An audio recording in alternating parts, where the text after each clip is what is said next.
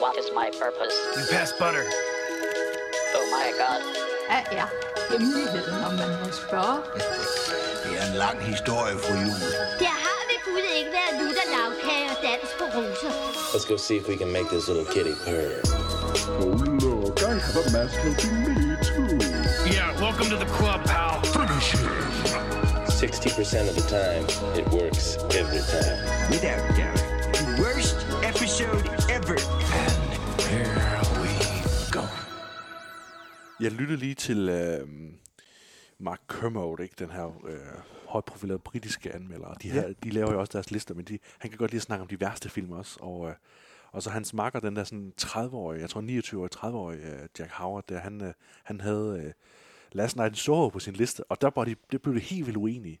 Det synes jeg var helt vildt fantastisk, fordi det bliver sådan lidt lidt ligesom at lytte til række 8, ikke? så bliver det meget, jamen det er to, uh, to mænd, der er meget enige omkring, hvad der er godt og hvad der er dårligt. Uh, men Ofte. her, her, ja, ofte er ja, ja, mindre det er Star Wars og sådan noget.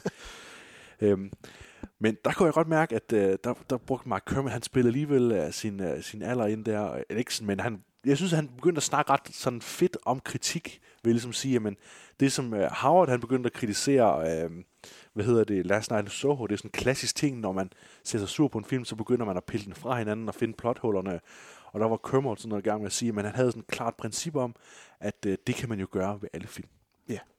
Øh, og det er jo sådan noget, som, som jeg har tænkt rigtig meget over, lige siden med, med Cinema Sins og sådan noget, der, der havde... Øh, der havde, øh, hvad hedder det, James Williams, han havde også en lang video, hvor han ligesom prøvede at påpege... at- Patrick Williams. Patrick Williams, sorry, det er en anden en, der er James Williams. Ja, Patrick Williams, han havde en lang video om, øh, hvor, hvor han ligesom påpegede det her med, at bare finde de her huller, og bare fordi man kan genkende mønstre, så betyder det ikke, at man kan ligesom kritisere en film, fordi det kunne man jo gøre med, øh, som Kermit han siger i podcast, det kan man også gøre med The Exorcist for eksempel, ligesom Ja. sige, jamen, hvorfor er det det hus her, og hvorfor er det lige hende der, og hvorfor, kan de, hvorfor er der ikke nogen, der lægger mærke til det ude fra huset, når det eksploderer, og alle sådan nogle ting.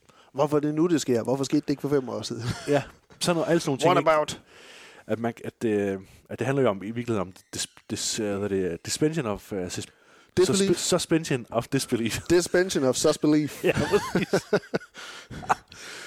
og alle sådan nogle ting, og jeg synes bare, det er enormt spændende, fordi det siger bare, det, det siger bare så meget om filmkritik, ikke? Hvor, hvor latterligt det i virkeligheden kan være, oftest fordi vi har en tendens til at og, og, bare, og bare sige, at jeg synes, den her film er dårlig, jeg ved ikke hvorfor, men øh, jeg har alligevel prøvet at forklare hvorfor, ikke? og så kan man jo hive alt muligt ned, ikke? som jo et eller andet sted ikke rigtig giver så god mening, men, men øh, vi prøver så godt vi kan, og så kan man sidde derhjemme og lytte og sige, det er jeg hammer enig i, eller det er fandme noget vås, det der. Ja, lige præcis. For det er jo vores...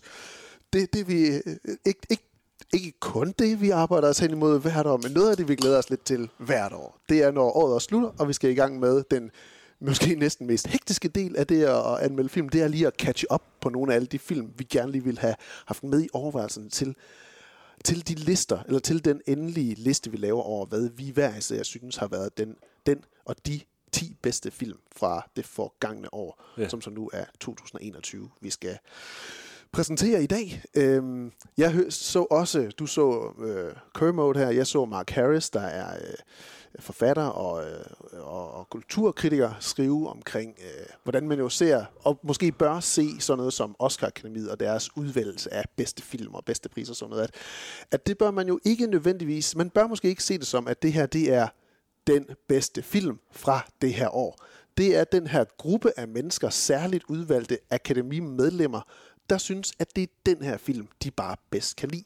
Så det er et udtryk for, hvad akademiet synes er den bedste film. Så ja. derfor, den bedste film for Oscar bør altid følges af den bedste film ifølge Oscar-akademiet, eller noget af den stil hvert år. Og det samme kan lidt siges om os. Det er, øh, man skal ikke tune ind, fordi at man tænker, at vi vil komme med det definitive bud, bud på, hvad der bredt set vil være den bedste film. Men det er vores meget personlige bud på, Ja. hvad der har været de bedste film Det er det godt i nok, det ja. forgangne år. Det er det godt nok, ja. Helt sikkert. Og har det været et okay år, Jens? Øh, filmåret 2021. Det blev lidt et år, der ligesom 2020 var en del titler, der blev udskudt og skubbet rundt, og ja. Måske lidt uforløst. Ja, kort sagt, nej, det har været et dårligt filmår. Øh, og dårligere end 2020 i min optik. Øh, ja, øh, man kan sige, der vil jo altid være en masse øh, gode og fine film, man kan hive frem, men øh, et hvert filmår skal jo også vejes op mod de øh, blockbuster, der nu er. Øh, 2020 var lovlig undskyld, synes jeg. Øh, med øh, de film, der ikke kunne være. Men, men når vi så nu endelig gør plads til No Time to Die, og til Dune, og til øh, Marvels film, ikke, så synes jeg bare, at, øh, at, at niveauet har været meget lavt, øh, også med de her sådan, store film, der skulle hive os tilbage i biografen. Det har jeg ikke sagt, der har, været, der har i hvert fald været nogle gode blockbusters. Det vil Ja. også øh, udtryk, komme til udtryk på min liste i hvert fald. Ja, jeg ved ikke, hvordan det sådan lige... Altså, jeg, jeg var ikke lige og tjekke min liste fra 2020, men, men jeg føler i hvert fald klart, at, at, at luften blev taget ud af filmåret hen mod slutningen. Der var ligesom rigtig mange film, der var ment at skulle have premiere, inden vi gik ud af 2021, ja. øhm, men som blev afbrudt ganske enkelt, fordi biografen de lukkede, og dermed rykket ind i 2022, hvilket er lidt, uh, lidt irriterende film som uh, Pig og Licorice Pizza blandt andet. Ja, Øhm, det var lidt mærkeligt, fordi den lå lige i starten af december, og så lige pludselig var den bare over i marts. så rykkede den sig lidt. Ja, Ja. ja. Det var rigtig, rigtig ærgerligt. Øhm, så jeg tror også lidt, jeg sad med følelsen af bagefter sådan, ja okay, det har været et okay filmår, men når jeg kigger top, top 20 over top 10, top 30, så er det måske ikke, fordi der er så mange af de film, der vil ryge i nærheden af de samme placeringer i nogle af de tidligere år, inden pre-pandemic måske. øhm, ikke desto mindre, så har der været en usæv- eller, eller usædvanligt er det ikke, fordi det er bare normen efterhånden. Der har bare været så mange film stadigvæk, der er udkommet i løbet af år. Jeg personligt har jeg set 109 film, kunne jeg se, har fået krøbet det sammen, samlet sammen i løbet af, af 2021, eller film, man kan sige, og har fået premiere på den ene eller den anden måde i løbet af 2021. Og det er noget, du er også kommet over det nummer, nummer Ja, 100. jeg ramte også nummer 100, ja. Ja, øh, lige til her, sidst. Øh, lige til sidst, ja. Ja, så vi har et lille billede af, hvad der har været af filmtendenser og, øh, og film, der er blevet udgivet i løbet af året. Ja. Jeg kunne se, jeg tror, jeg har set 50% af den, de film, du har set, ifølge din liste på Letterboxd. Nå, Okay. okay. Hvilket er relativt lavt, faktisk. Jeg synes, Ja. ja. det, var, det var ret mange, så ret halvdelen, jeg så ikke har set af det, Ja, dem, ja, du har ja, set. der var også mange, som du har set, som jeg ikke har set jo. Ja. Øh, mange af de her dokumentarer, som jeg håber, vi hører. Jeg håber, jeg kommer til at høre lidt om også. Øh. Ja. Ja.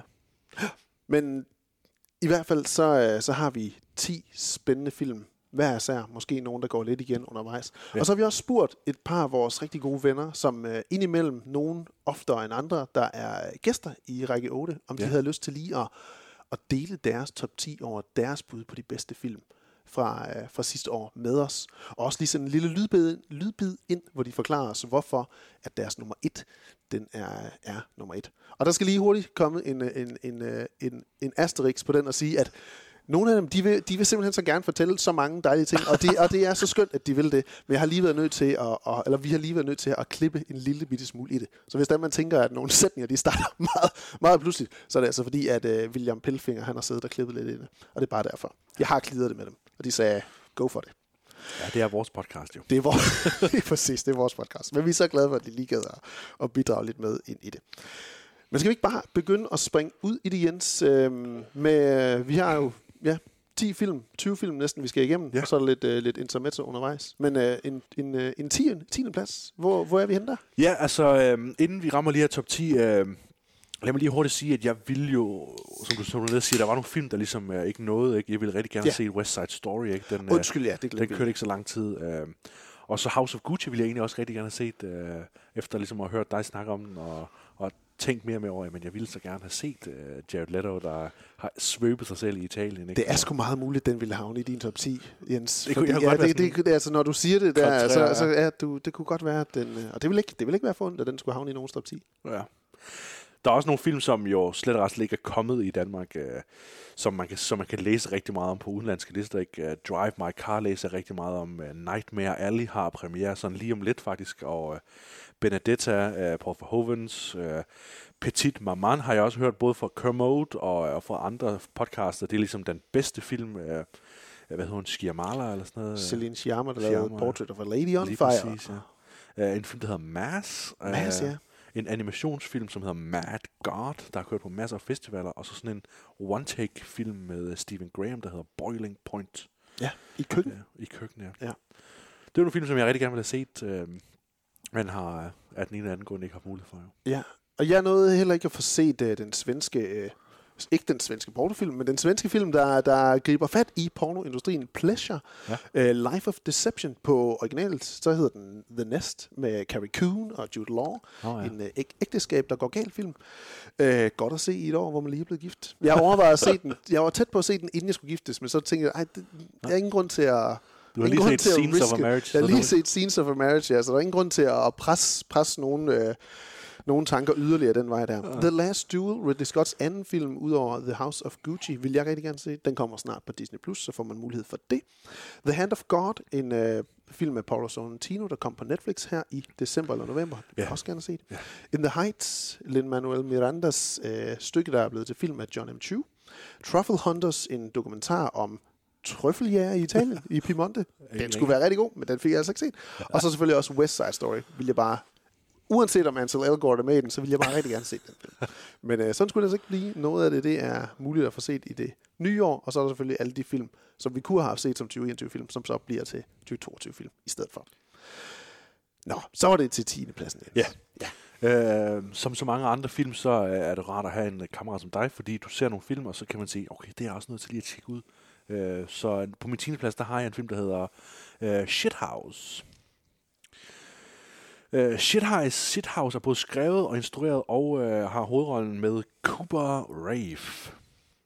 Og, øh, og det, der egentlig rammer mig enormt meget med Shithouse, det er, at den øh, skildrer øh, slet og ret en ung mand, øh, Cooper Raves figur her, der øh, ligesom øh, havner på øh, college og, øh, og bliver ramt ret tydeligt af sådan en, øh, af sådan en fremmedgjorthed, af en øh, ensomhed, øhm, øh, og, og møder så i løbet af hans sådan vildfarende oplevelser med det her college, så den her øh, charmerende kvinde.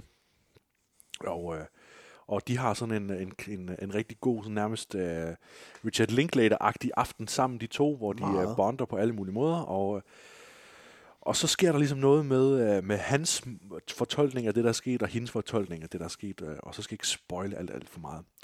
Det, der ligesom ramte mig ekstremt meget med Shithouse, det var, at den film, øh, den måde, som den øh, skildrer hans møde med den her kvinde, er, er ekstremt genkendeligt for mig, som sådan en... Øh, øh, ikke bare det, at han, ligesom jeg, har et tydeligt nært forhold til hans forældre, så øh, er han også den her typiske nice guy, ikke? som ligesom, når han møder en kvinde, så er han helt naturligt interesseret i at, at opsøge hende og snakke med hende og, og engagere sig med hende og ikke behandle hende som lort og alle sådan nogle ting.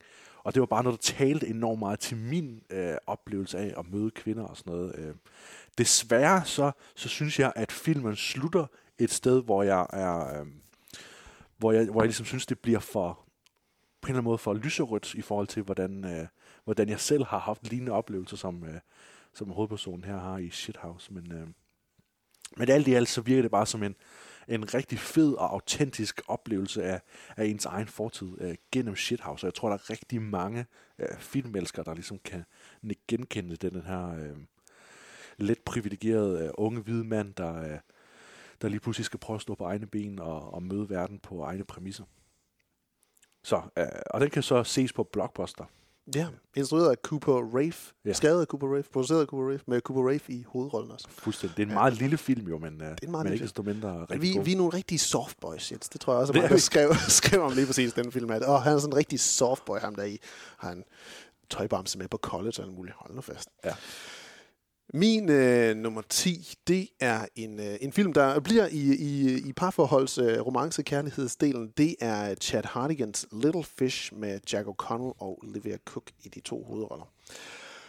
Det er en forfærdelig, skrækkelig film på, på rigtig, rigtig mange måder. Det er en, øh, en film, hvor det er, de her to øh, fantastiske skuespillere har en helt eminent god kemi, synes jeg. Øhm, de befinder sig i 2021. Der er en øh, global virus, der haver i hele verden. Den er lidt væ- ja, værre, det er svært at sige helt, for det er igen, altså den virus, der, der haver i Little Fishes version, version af 2021, det er sådan en, øh, en virus, der gør, at man over tid eller akut begynder at miste hukommelsen. Hvor det er, at det kan starte med små ting, som at man glemmer, at man har nøglerne til sin lejlighed i lommen, eller man måske ikke glemmer, hvilken dør der i ens lejlighedskompleks, der faktisk leder ind til ens egen lejlighed. Eller akut, at man simpelthen bare overhovedet ikke kan huske noget som helst fra det ene øjeblik til det andet. Og med den anden, den tidsgående en, på et tidspunkt begynder slet ikke at kunne genkende ens nærmeste og elskede.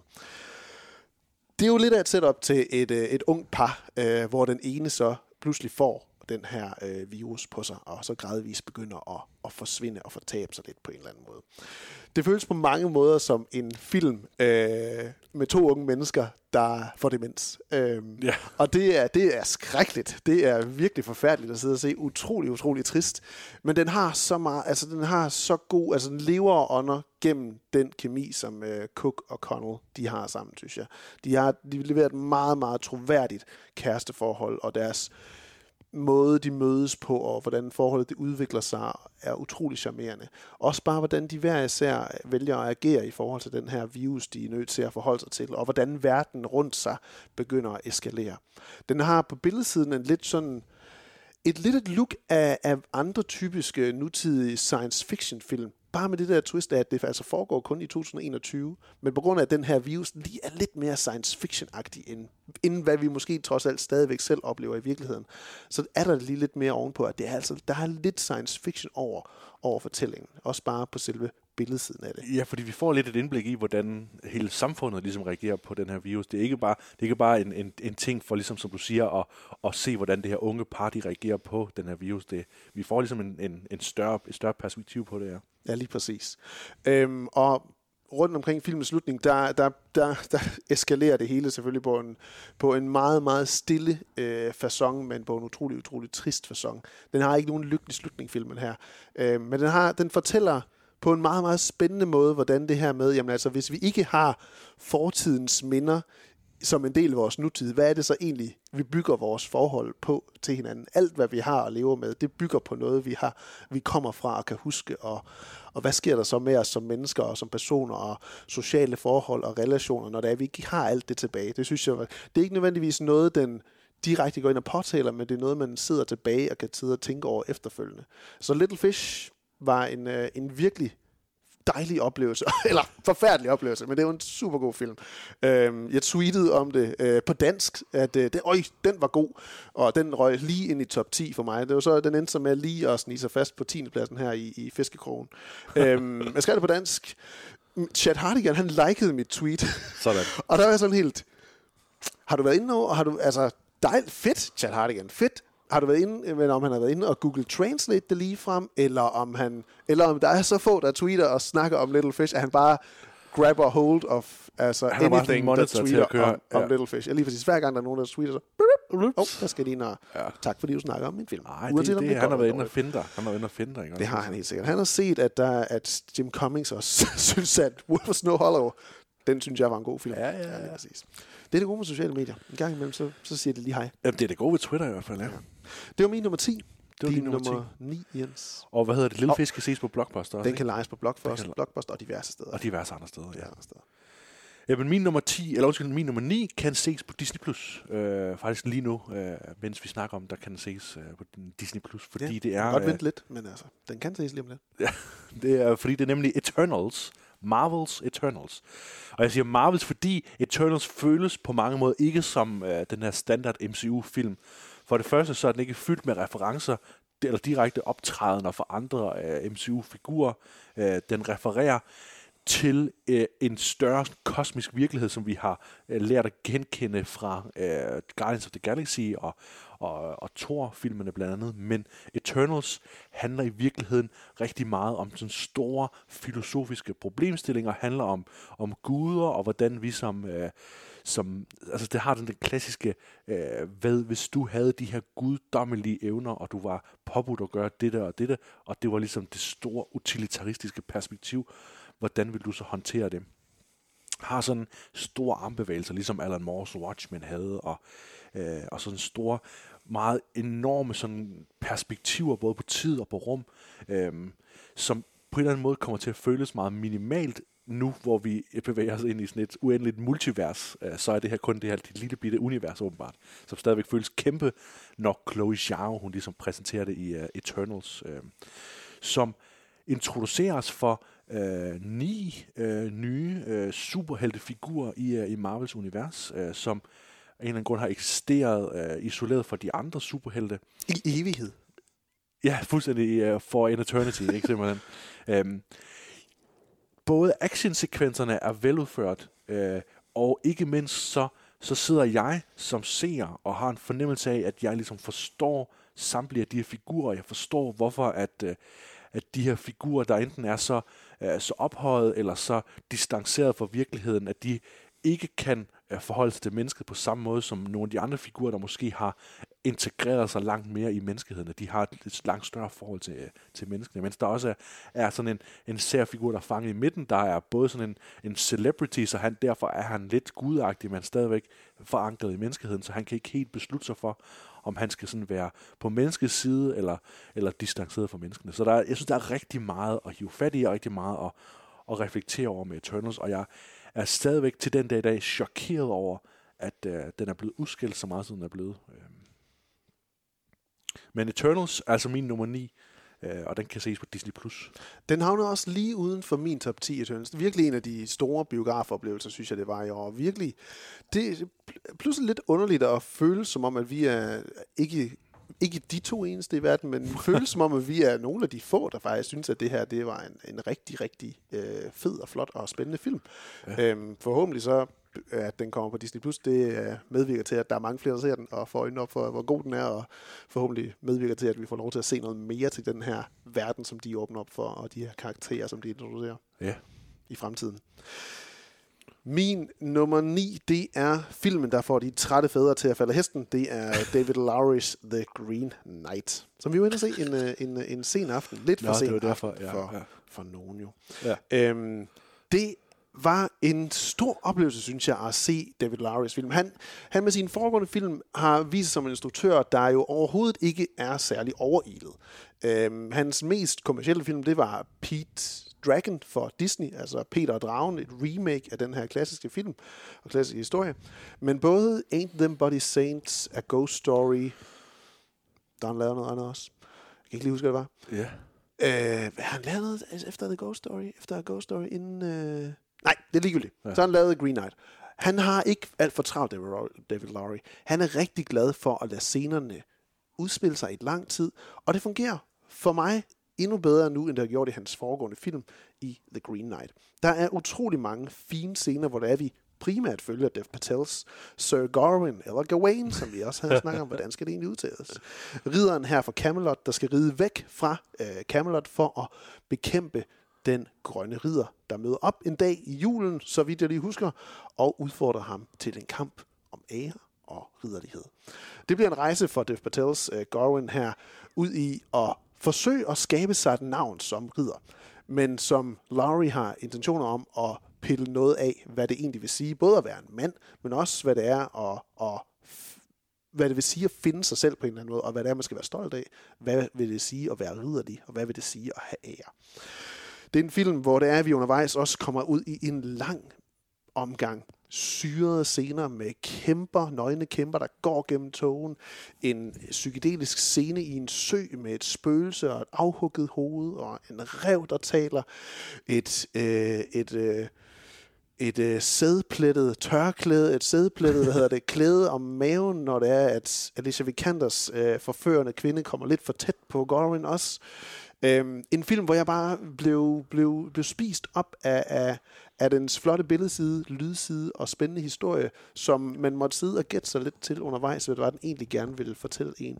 Men øh, den var jeg utrolig glad for, og synes var virkelig, virkelig spændende. Øhm, og øh, den kan også for nu øh, lejes alle diverse steder. The Green Knight. Ja. Mm. Ja, jeg var ikke så, øh, så pjattet med det. Øhm, jeg faldt jo i søvn. vi Så Du faldt jo i søvn, øh, og måtte se den ligesom igen for at få det hele med. Ja, lige præcis. Øh, for at få hele den her lange panorering frem og tilbage i skoven, så vi virkelig kan dvæle ved den her skov, vi er i. Ja, Øh, og se bladene visne og vokse igen. Ja. Som om, at der er gået 100 år, inden, ja. efter at han er lagt sig på jorden. oh, ja, men der kan Godt. fortolkes, der kan fortolkes, Der reanalyseres. kan tænkes øh, ud en i, masse øh, ting. i Dør langt han i skoven? Ah, får han lov til at leve? Måske. Ja. Nu skal vi lige høre fra en af dem, vi har øh, spurgt til, om de vil dele deres top 10 med os. Og det er vores øh, rigtig gode ven, Jonathan, der er øh, journalist til daglig, og som snart skal være far.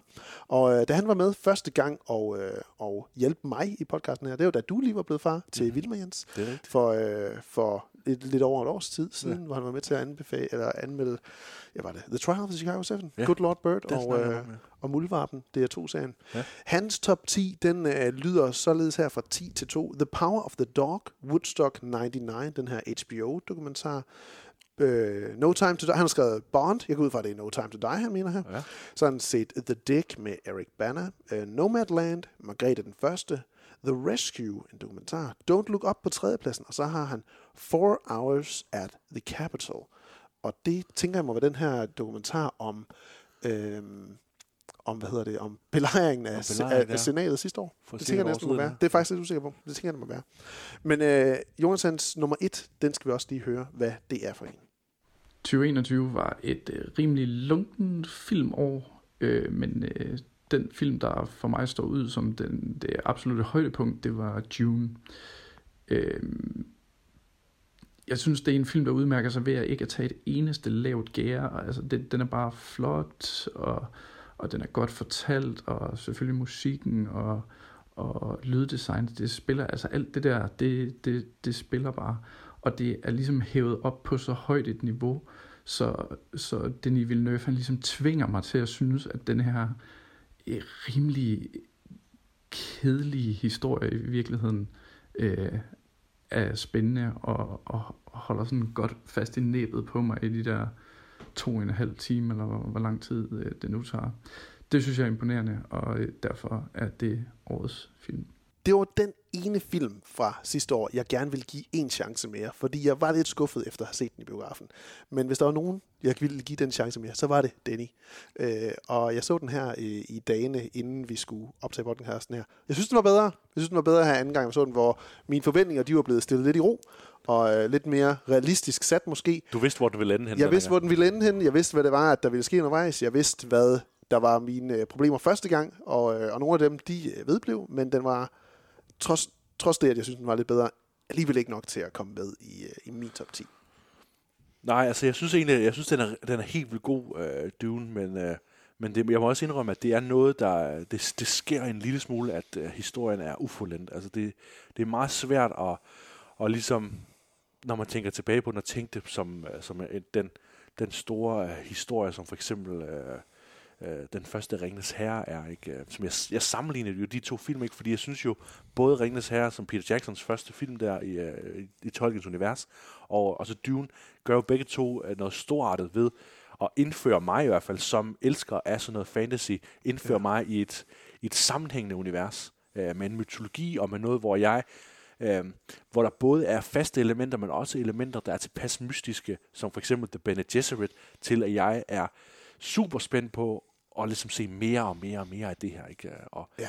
og jeg kan virkelig forestille mig, at, øh, at vi kan køre Dune-universet langt ud med forskellige tv-serier og forskellige film, uden at det egentlig kommer til at, at, at gå træt i det. Ja. Der er masser af muligheder, Ja. men jeg altså, vil aldrig kunne forstå, at man vælger at slutte, slutte filmen på den måde, som det gør. Eller jeg kan, godt, jeg kan godt forstå det et eller andet sted, men jeg synes ikke, det giver mening. Jeg synes ikke, det, jeg synes ikke, det er en god idé. Det synes jeg altid ikke. Men øh, stadigvæk en rigtig god film. Vildt flot film, Dune. Øhm, og har rigtig meget godt i sig. Nummer 8 skal vi til, Jens. Ja. Hvad er din 8. bedste film fra sidste år? Min nummer 8, det er en film på Amazon Prime. Øh, Jeg har efterhånden haft en oplevelse af, at hvis man ser film på Amazon Prime, så har man ret sikker på at få en god oplevelse. Jeg synes, deres Nå, originale produktioner har en tendens til at være lige niveauet over øhm, sådan Netflix's skydehavl eller spredhavl, og, ja. og Disney Plus' sådan lidt mere øh, familieorienteret indhold. Så synes jeg, at Amazon Prime har noget, en, en solid standard, og standard, og blandt andet den her I Care A Lot. Ja. Øhm, en film, der handler øh, primært om... øhm, om en enormt usympatisk kvinde, blev spillet af Rosamund Pike, øh, der udnytter, at hun kan overtage gamle mennesker og ligesom indgå i en slags værgemål. På samme måde som øh, Jamie Spears jo havde Britney Spears i et værgemål for 13 år, ikke? og hun er endelig ude af det nu, så øh, handler den her film altså om, hvordan USA har lidt den her træls system med, at der er nogle mennesker, der ligesom bliver erklæret umyndiggjort, og så er der nogle andre mennesker, der kan ligesom håndtere deres øh, økonomi. Og, øh, og den måde, som handlingen så er, det er, at øh, Rosamund Pike, der spiller Marla Grayson, hun øh, kommer lige pludselig til at overtage en kvinde, der ved første øjekast virker som om, hun er enormt sådan, øh, let, genke- let, øh, let tilgængelig som et offer, men det viser sig, at hun i virkeligheden er en kvinde, der har skjult sin identitet, og hendes rigtige identitet gør, at lige pludselig så er Grayson fanget i, øh, i sådan et, øh, et kriminelt miljø, og, øh, og skal hele tiden kæmpe frem og tilbage mellem de her gangster, der prøver at få skoven under hende, mens hun af mirakuløse årsager ligesom helt gentagende gange lykkes at, at få skoven under dem. Og det her spil frem og tilbage er, øh, er helt og aldeles øh, fantastisk og, og spændende sådan øh, fortalt. Jeg synes, der er så mange flotte og veludførte scener i, uh, i uh, I Care A Lot, uh, som er skrevet og instrueret af en, der hedder Jake, eller Jay Blakeson.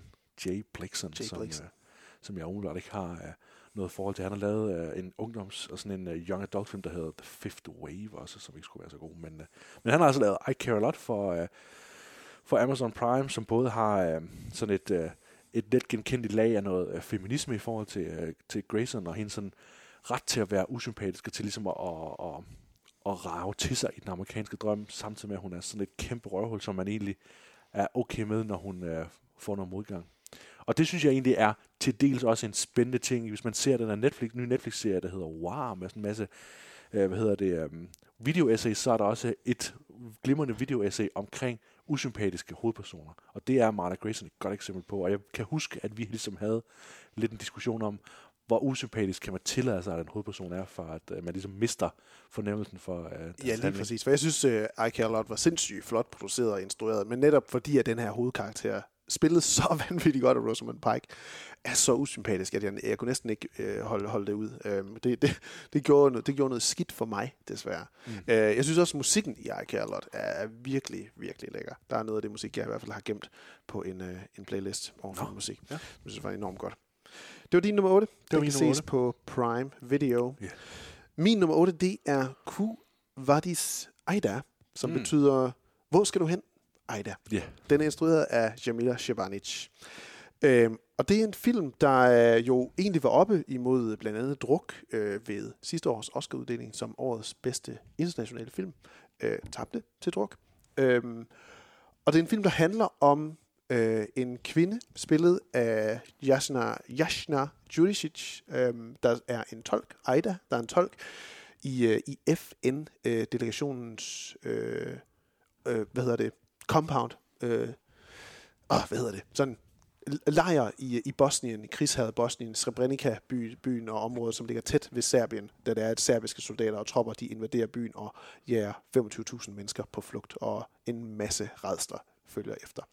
Og i filmen her, der følger man hende, der prøver at jamen, hjælpe en masse bosnier, men også undervejs bliver nødt til at se efter, hvordan kan jeg hjælpe min familie, mine to sønner og min mand og mig selv med at, at undslippe det her helvede, som det er, vi befinder os i. Jeg ved ikke, så havde I nogen, husker du, om I havde nogen bosniske flygtninge øh, som klassekammerater, der kom ind som en del af jeres øh, skole øh, i tilbage i, øh, hvad hedder det, 90'erne, start 0'erne? Fil- hvad- Den her krig, den foregår jo øh, 92 til 95. Øhm, nej, ikke, ikke som, sådan, øh, som direkte flygtninge, nej. Øh, jeg har gået i klasse med en, en bosnier engang, men han, øh, de var sådan ret velintegrerede, vil jeg sige. Ja. Så det har ikke været sådan flygtninge. nej. Jeg husker, det, det er jo selve konflikten og krigen udspringer jo af øh, opløsning af det tidligere Jugoslavien, og så alle de her uafhængige lande, der, der, der kæmper mod hinanden i af alle mulige forskellige øh, årsager. Øhm, og jeg husker i hvert fald, eller selvfølgelig husker jeg det, ja, vi havde nogle, nogle, øh, nogle klassekammerater, som, som kom fra Bosnien. De havde nok været i landet i et par år selvfølgelig, inden de blev en del af skolen. De talte i hvert fald dansk, da de startede i vores klasse. Og jeg kan huske, der var en af pigerne, som, som, som jo, hun havde et, et hul i maven, altså sådan, som det lignede en navle, der sad et andet sted, end hvor navlen den skulle sidde. Øhm, og som hun fortalte, at det var et skudhul. Og jeg tror måske ikke rigtigt, at der var nogen af os, der troede på det. Øhm, og det gør man måske ikke som barn, når det er, at man ikke rigtig bliver indført i. Det, det er i hvert fald ikke min oplevelse af, at vi blev indført i hverken af vores forældre eller af skolen og vores lærer af, hvad de her mennesker, som kommer og skal være en del af vores samfund og være en del af vores øh, klasse her, hvad det er, de har gennemgået. For på den måde at kunne skabe en større forståelse for, hvad det er for nogle, en helt anden verden, de kommer fra.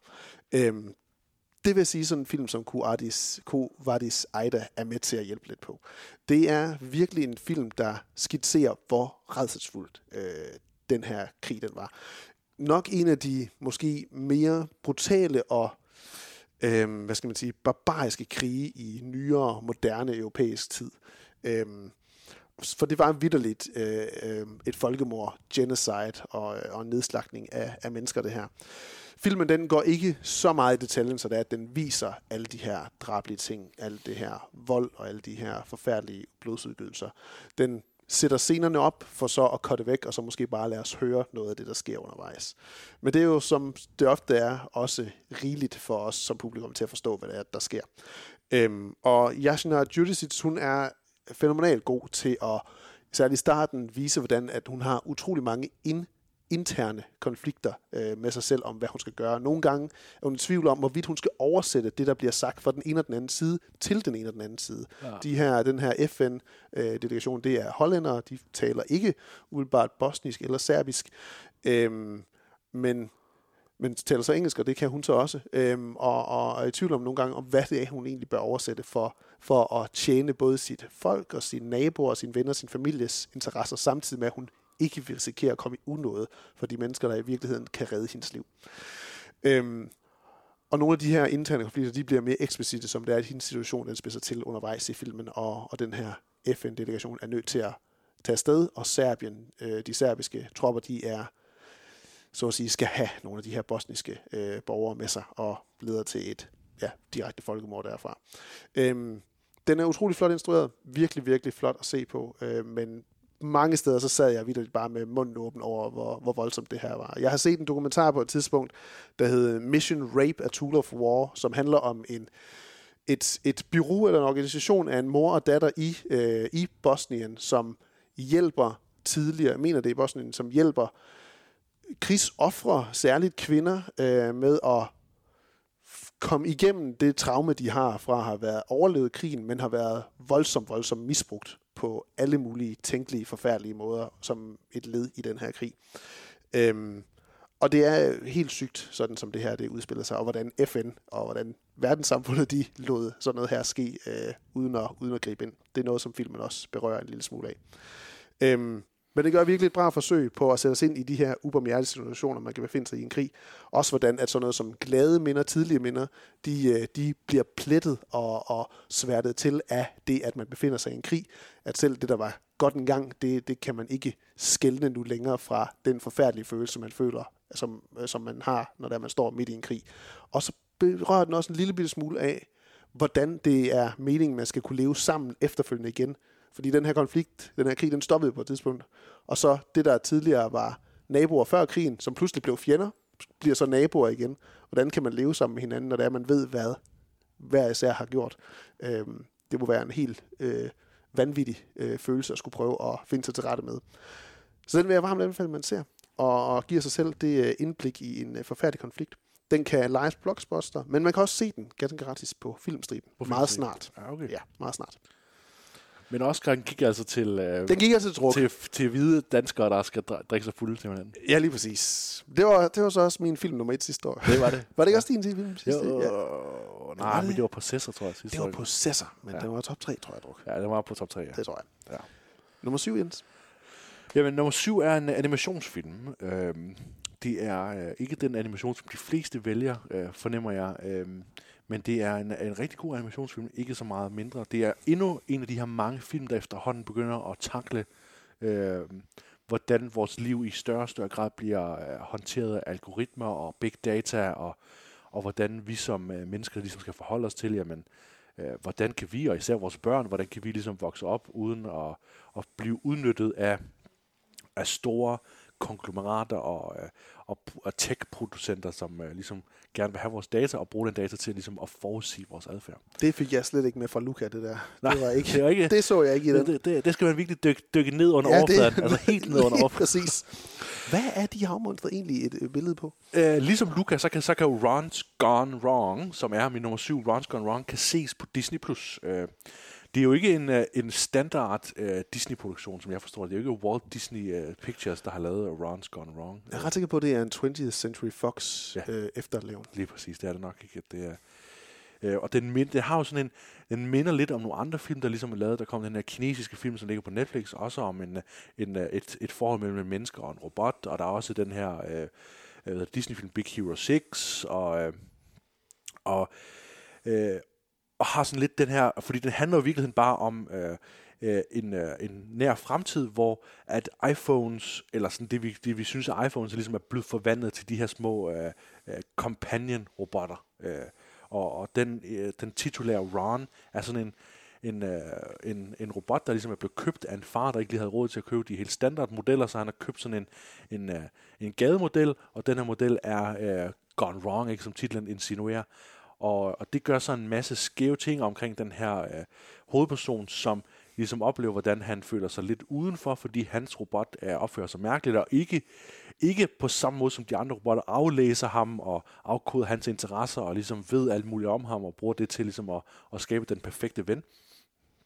Øh, det, som egentlig gør, at uh, Ron's Gone Wrong øh, træder over mange af de andre animationsfilm, jeg har set, det er, at den, den er en lille smule hårdere i sit udtryk. Der er en lille smule sådan, øh, man kan godt mærke, at det ikke er en Disney-film. Altså man kan godt mærke, at dem, der har lavet den, de har ligesom gået et skridt længere og taget nogle flere chancer, hvor, hvor der er nogle steder, hvor det stikker en lille smule, og man tænker, okay, kan man alligevel have det med i en animationsfilm? Altså noget, hvor, hvor mobning måske bliver en lille smule for overdrevet, eller, eller sådan mange af de her med konsekvenser af ens handlinger, og, og, øhm, og hvordan man så endelig ligesom takler det, og jeg synes også, at det, som Ron's Gone Wrong er så effektiv med, det er den måde, som den så slutter på, den her sådan endegyldige øh, og meget forventelige øh, konfrontation, hvor det går op for, jamen, øh, det, altså den Ron, jeg har er faktisk den bedste Ron, og nu er jeg nødt til ligesom at redde ham, og, og hvordan kan man, og alt det der med jamen, selvopoffrelse, og, og sådan hele kritikken også af, af det her med, jamen, hvad er det egentlig, vi søger i en, en, en ven, i en, er det en, der er ligesom os, en, der bekræfter os, eller er det i, i virkeligheden en som Ron, der måske er en lille smule skæv, en, som der udfordrer os, og, og, og kan være uenig med os. Øhm, I øvrigt så er den danske uh, dub uh, enormt god, hvor det er Jonas Schmidt, der lægger flot stemme til, uh, til Ron, og, og Lasse Remmer, han uh, uh, lægger stemme til, uh, til den her uh, skurkagtige uh, den typiske, den nymoderne uh, skurk, som jo er en, uh, en slet skjult pav, eller slet skjult pastiche eller parodi på uh, Steve Jobs eller, eller lignende figurer. Ikke, som, uh, Så Lasse Remmer skal spille noget af den klogeste mand i verden? Ja, præcis. Okay. Ja, det er ikke Passende. så langt fra. Jo. Passende. Så Ron's Gone Wrong altså uh, mit bud på uh, den bedste animationsfilm uh, i uh, år. Uh, jeg vil gerne sige, at jeg havde nok haft uh, flugt på min liste, men, uh, men jeg, har, jeg tager generelt altid et valg om at, at kun lade min uh, årsliste baseret, basere sig på fiktionsfilm. Spillefilm. Ja. Lige præcis. Og der plejer jeg jo at have, have nogle, øh, nogle dokumentarer med. Jeg tror faktisk, det mener faktisk ikke, at jeg har en eneste dokumentar med i år. Der er simpelthen røget, øh, de røget alle ud af top 10. Det går ud af top 10, ja. Men øh, meget passende, så er min øh, syvende plads også den animationsfilm, for mig, der var den bedste i år. Det er så bare The Mitchells vs. The Machines. Ja. Som de, din intro passer på mange måder, med at det er igen en tech-gigant, der, der, der er noget data, der bliver brugt over for den her familie, øh, den her amerikanske kernefamilie, kan man lidt sige der. Øhm, som jeg sagde i vores anmeldelse, så følte jeg lidt, at, øh, at jeg var ved måske næsten at sige, okay, det er alt for meget det her efter de første 10 minutter.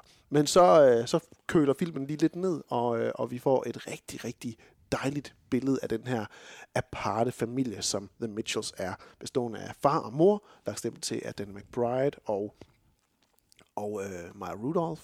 Og så øh, de to børn, Aaron, lagt stemme til af filmens instruktør, Michael Rianda, og Katie, filmens egentlige hovedperson, Abby Jacobson, der lægger stemme til hende på, øh, på den engelske øh, originalversion. Og øh, det er en film, der nok sådan, øh, det, det, altså sådan lookmæssigt er ret distinktiv. Den minder lidt om, hvad man kan sige, sådan den stil, der var i uh, Spider-Man Into the Spider-Verse.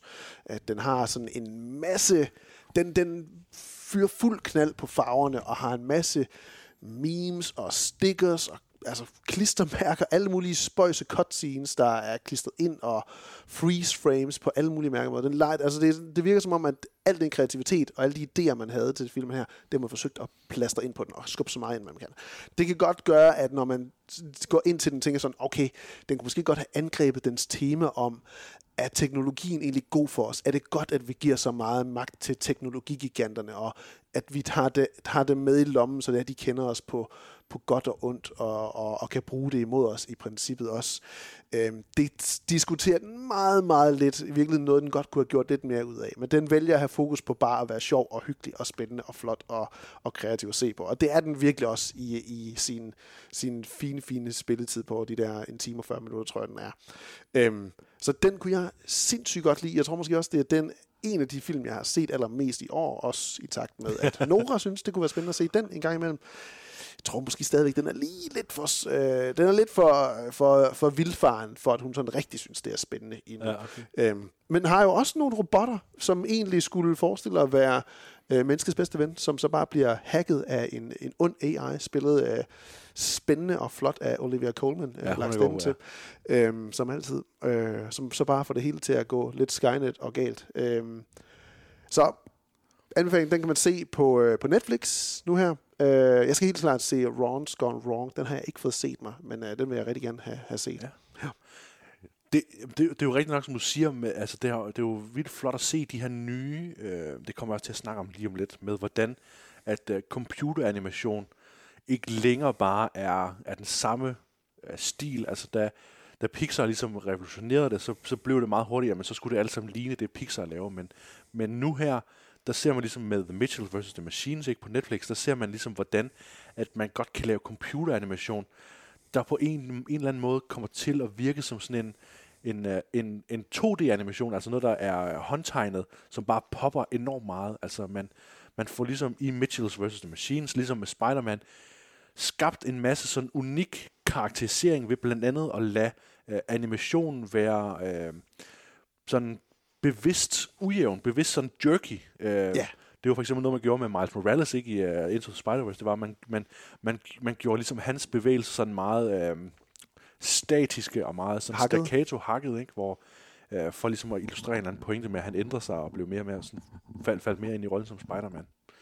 Øh, og det synes jeg bare er super fantastisk og super spændende at følge med i, hvordan øh, computeranimation lige pludselig øh, lige pludselig overtager for alvor øh, det her med håndtegner. Ikke? Fordi det, det var ligesom en, i lang tid en fornemmelse af, jamen de her nye Disney-film, øh, Frozen og To på flugt, øh, hvad hedder den, Tangled, En, en kanto, den nye. og Encanto og sådan noget. Alle de her nye øh, Disney-film ville aldrig nogensinde kunne måle sig med øh, de klassiske Løvernes Konge, øh, skønnet uddyret, fordi der var bare en charme ved den håndtegnede øh, stil.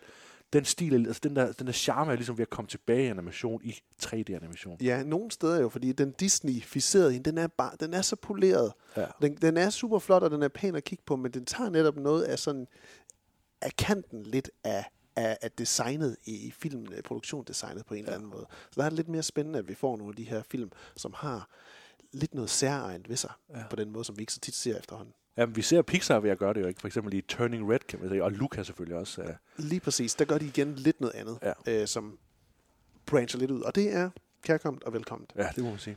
Inden vi tager top 6, eller vores øh, 6. plads, hedder det, Ja. så skal vi lige høre fra en anden, en, der det efterhånden er længe siden, vi har haft med. øh, og det er også for ringe. Vi må se, om vi ikke snart kan få ham med over en løs forbindelse til, til København igen. Det er Andreas, vi skal høre. Vores øh, in-house Game of Thrones ekspert. Lige præcis. Andreas han har jo den fordel af, at han bor i København. Ja. Og det, øh, det, kan man, det kan jeg i hvert fald sidde nogle gange øh, på Letterboxd og blive grov misundelig over. Ja. Fordi de har jo øh, filmfestivaler derovre, og nogle biografer, der får lov til at vise nogle film på forpremiere, inden de overhovedet får bred udrulning, udrulning i hele landet.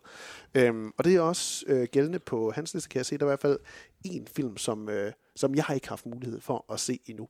Øhm, og, øh, og så skriver jeg lige til ham, Andreas, hvor i alverden har du set den her film? Har du, er, du en, er det en fest, filmfestival? Og så, ja, det er det. For helvede. Det var grov. Men øh, Andreas' top øh, 10-2 her, det er The Mitchells vs. The Machines på 10. pladsen. Minari, Lee Isaac Chungs film på 9. pladsen. Også en film, jeg faktisk valgte at sige, den holdt jeg som en 2020-film, okay. selvom, at, Nå, okay. selvom jeg ikke havde den med på 2020-listen, så det, det føltes som om, det var for lang tid siden. Der var, der var et eller andet Ah. tidsaspekt, der gjorde, at det blev forsvirrende for mig. Eller irriterende for mig. The Green Knight har han på 8. pladsen.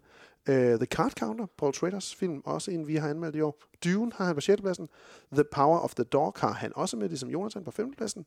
Annette, Leo Caraxes film på 4. Ja. Ammonite med uh, Saoirse Ronan og Kate Winslet Okay. på 3. pladsen. Nå, okay. Så har han Sean Bakers Red Rocket, en film, jeg virkelig har glædet mig til at se.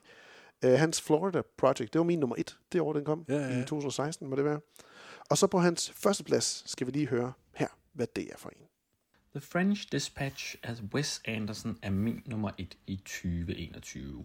Wes Anderson har det med at lave søde og charmerende film, hvilket også ofte bruges som en kritik mod hans film. Kritikken går primært på, at stil trumfer historie. The French Dispatch har ikke været nogen undtagelse i den forbindelse. Men filmen er et enestående eksempel på lige præcis det, som kun Anderson kan. Netop at bruge melankoli til at gøre hans fortælling nærværende og rørende. I tilbageblikket på et fiktionelt magasin i 60'ernes Frankrig bliver vi gennem Andersens unikke perspektiv præsenteret for værdier, som ligger ham nær. Hvordan man forbliver autentisk og holder fast i sig selv som et kreativt menneske. The French Dispatch er det de mest personlige indblik, vi har fået i Andersen, og hvad der er vigtigt for ham. Især kontrasten mellem højderne ved at lave kunst, sat op mod ensomheden, der ofte følger med at være forfatter. Det fremhæves i fotograferingen. Meget af filmen er i sort-hvid, men brydes ind imellem af klip til billeder i farve, ofte for at illustrere, at skønhed kommer i mange former, om det er et maleri, et perfekt tilberedt måltid eller en kvindes blå øjne. Men The French Dispatch er mest af alt et kærlighedsbrev til det skrevne medie, og ord er decideret i centrum for filmen. Anderson, som mest er kendt for sin scenografi og symmetriske tabloer, er i mine øjne en undervurderet manuskriptforfatter, og det viser han især i The French Dispatch. Det er også i det skrevne, hvordan fortællinger skabes, at filmens tema findes. For selvom filmen fokuserer på ensomheden, der ofte findes i det kreative liv, så fremhæves samarbejde flere gange i filmen som uundværligt for skabelsen af et værk. Om det er så en redaktør, der giver kommentar til en artikel, eller en hel redaktion, der finder sammen om at skrive en nekrolog. For mig viser The French Dispatch, at man skal være sig selv, hvis man vil finde sin kreative gnist. Men også, at man skal være taknemmelig for det samarbejde, som kan gøre et kreativt værk endnu bedre. Det er både Andersens anerkendelse af sig selv som eneren, som kunstneren, men også med den viden om, at han ikke kunne gøre det uden et helt filmhold bag sig. Der ligger der en erkendelse af, hvor vigtigt det er at lave kunst sammen med andre, og hvor meget bedre kunstværket derved kan blive. Tak for ordet.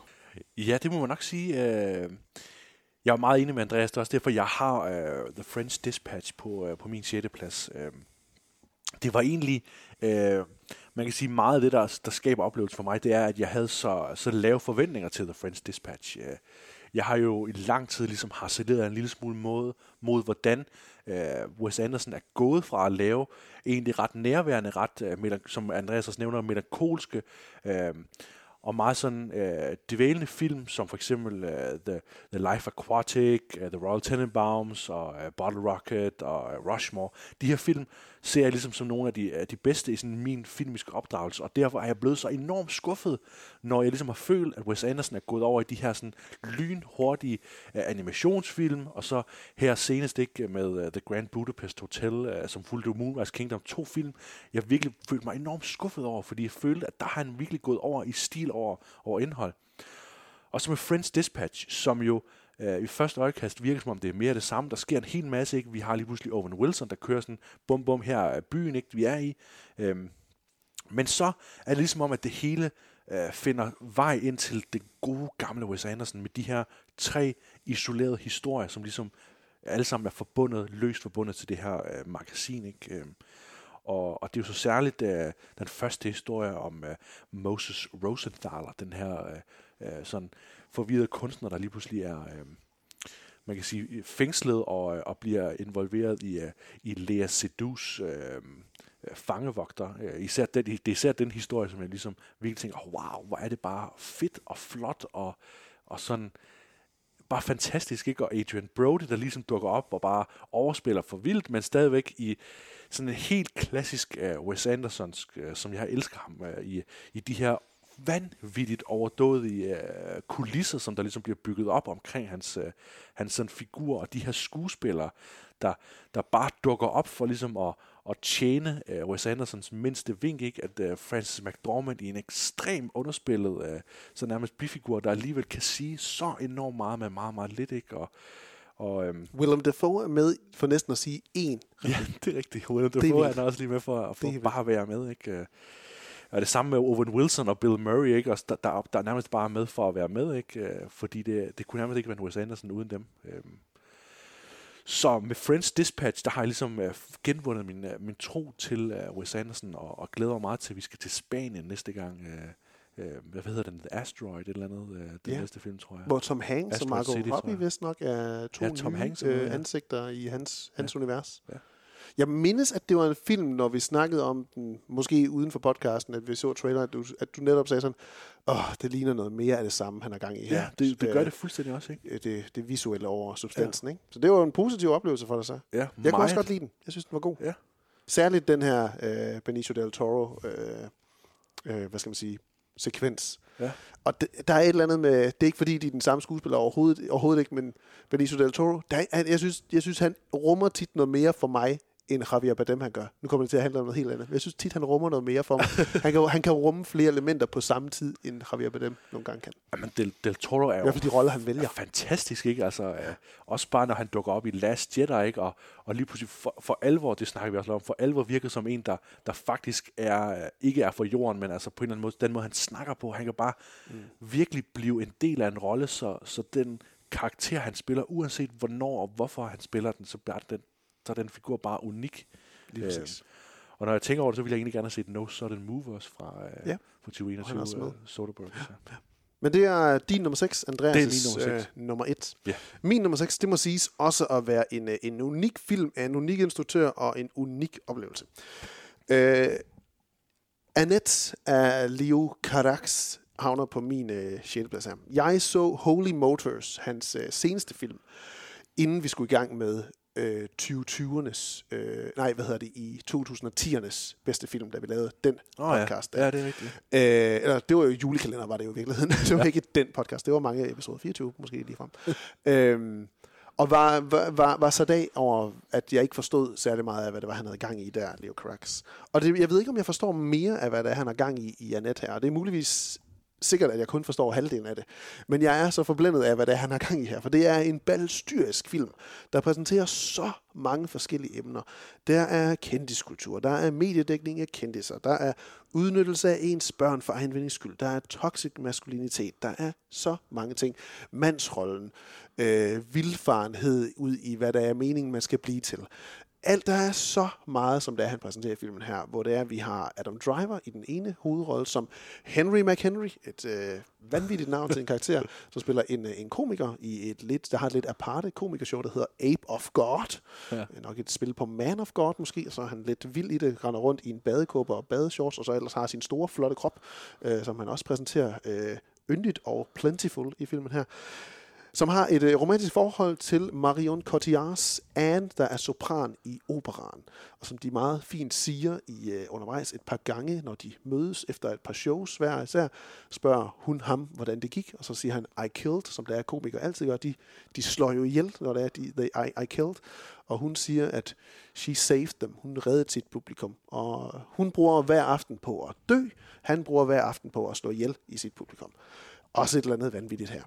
øhm, som jeg kunne læse mig frem til, så er, er Leo Caraxes film også meget, meget personlig. Han oplevede det at miste sin øh, kone eller kæreste, som var hans muse tilbage i, i 2011, mener jeg det var, som også var mor til hans datter. Øhm, og, øh, og filmen indledes også ved, at han tiltaler sin datter og siger, at nu skal vi til at i gang, at nu kom, nu starter filmen. Øhm, Musikken den er lavet af Sparks-brødrene, mm-hmm. som uh, Edgar Wright også har lavet en dokumentar om. Den er ikke kommet i Danmark, så vidt jeg lige ved her i 2021. Den kommer muligvis i 2022. Ikke et, uh, ikke et, ikke et uh, hvad hedder det, familieband, brødreband, jeg de umiddelbart var bekendt med, de her to britiske brødre. Men de laver en, uh, et vanvittigt godt score-arbejde til den her uh, film. Der er så mange uh, sange, der er indlevende, og alt sammen noget, der har øh, indvirkning på plottet. Næsten alt i filmen her, det er sagt gennem sang. Der er øh, få scener, hvor det er, at det er normale replikker og normale interaktioner. Næsten det hele, det er udledet igennem sang. Øhm, og det, igen, der er så meget, der sker i løbet af den her film, der er svært at forstå. øhm, men jeg sad og var oprevet undervejs, og synes det var imponerende spændende, det der foregik, og det jeg fik at se. Øh, Adam Driver, Adam Driver, han viser igen bare, hvor sublim og fantastisk skuespiller han er. Øhm, han tømmer vidderligt hver en scene for luft med sin øh, energi og sin totale indlevelse og dedikation til den her rolle som Henry McHenry. Øhm, en, en absurd mand, og, og også lidt af en skurk i filmen her. Undervejs, der, jamen, det er en film, hvor det er, at øh, det her par, Anne Defreno, øh, Marion Cotillard og Henry McKenna, de får et barn. Øh, men det her barn, det er en, en lille trædukke. Ja. En, en levende trædukke, som så bliver den titulære Annette, som filmen i sidste ende handler om. Øh, barnet, som skal være en del af deres forhold, og måske endda forsøge at redde forholdet. Øhm, kan det det? Er forholdet forlist på forhånd? Det er Ikke, det, ikke det mærkeligste barn for 2021, jo umiddelbart. Er der andre mærkelige børn? Oh, jeg tænker på Ja, i Titan, tænker jeg. Meget mærkeligt barn der også, helt Ja. ja. sikkert. Mere grumt, øh, vil jeg også sige der Ja. ja. måske. Men lidt mere, måske lidt mere creepy på en anden Ja, måde. det er rigtigt. Det er meget creepy, ja.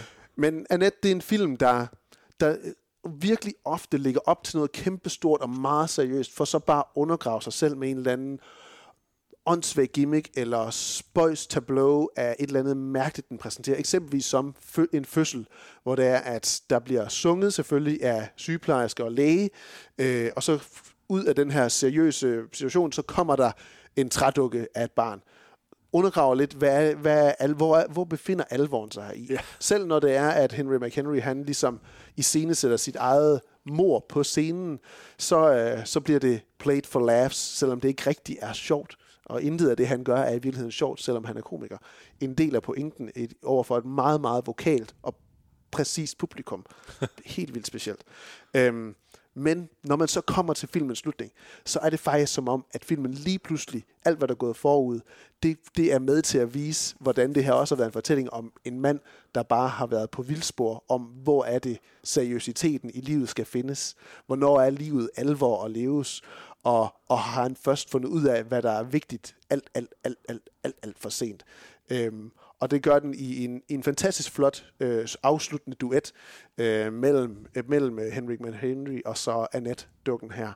Øhm, så den, den, den rørte mig virkelig øh, dybt, særligt til sidst. Øhm, og så alt, hvad der måske gik øh, forud, det var ikke alt sammen lige vel forståeligt, eller lige let forståeligt, men det var en helt særlig oplevelse at opleve Annette. En film, som Andreas jo så også havde med på, på sin liste her. Øhm, den kan pt. ikke ses lige nu. Den øh, havde jo premiere tilbage her i 2021 i biograferne. Lige nu, biograferne står til at skulle genåbne, og øh, inde på Kino.dk, der ser den, står den i hvert fald lige nu som en film, der kan ses i biograferne, så det er muligt, at den kommer til at komme på øh, hvad hedder det, programmet igen nu her, hvor de genåbner. Hvis den gør det, Men så er det et bud at tænde at se den. Ellers er det sådan en, der helt sikkert havner på filmstriben meget hurtigt, eller, eller som en filmperle inde på diverse øh, legesteder. Ja, lige præcis. Det er jo en, en fransk film. En film, der, Det er en film, der er premiere på Cannes, så den skal nok komme på filmstriben på et Ja, tidspunkt. Ja. jeg, jeg synes, den blev en lille smule for meget, faktisk, øh, Karaks øh, film her. Øhm, lidt ligesom Holy Motors. Altså, det, øh, han forslår mig bare, Karak slår mig som en type, der, der lige skal tøjles lidt mere, end han er blevet øh, med, med de seneste film der. Øhm, og så tror jeg faktisk, det kan blive rigtig godt. Øh, jeg synes, det er for meget det gode. Jeg er enig i det, du siger, at øh, det er jo fa- fantastisk, at man kan have så meget med i en film, og, og, og man kan have Sparks-brødrene, Sparks Brothers til at lave musikken, og, og så er der ovenikøbet en musical, ikke? Øh, en, en markant anden musical end de andre musicals fra 2021. Ja. Øh, jeg tror ikke, den var nomineret til nogen Golden Globes øh, af net, så vidt jeg Det tror jeg ikke. Det tror jeg ikke, nej. Adam Driver, han var altså fantastisk. Jeg synes, at han kunne virkelig godt. Han har haft et godt år. Han har Det haft må- det rigtig det godt må år, man ja. virkelig sige. Han har øh, Det må endnu et godt år. Ja. Nu tager vi lige en øh, pause fra filmene, for Ja. ja. lige at spole lidt over i en anden boldgade, nemlig på øh, det, har man har kunne se på sin store skærm derhjemme. Ja. Nogle af de bedste serier fra 2021. Øhm, Martin han har været så flink også lige at sende ind, hvad han synes var nogle af de bedste serier for ham i 2021. Ja, han har set mange serier, ved jeg. Han har set mange serier, Martin. Øhm, og øh, vi skal høre lidt fra Martin øh, senere også i, øh, i, øh, i programmet her. Men hans top 3 for øh, 2021 i serier, det var sæson 2 af The Witcher.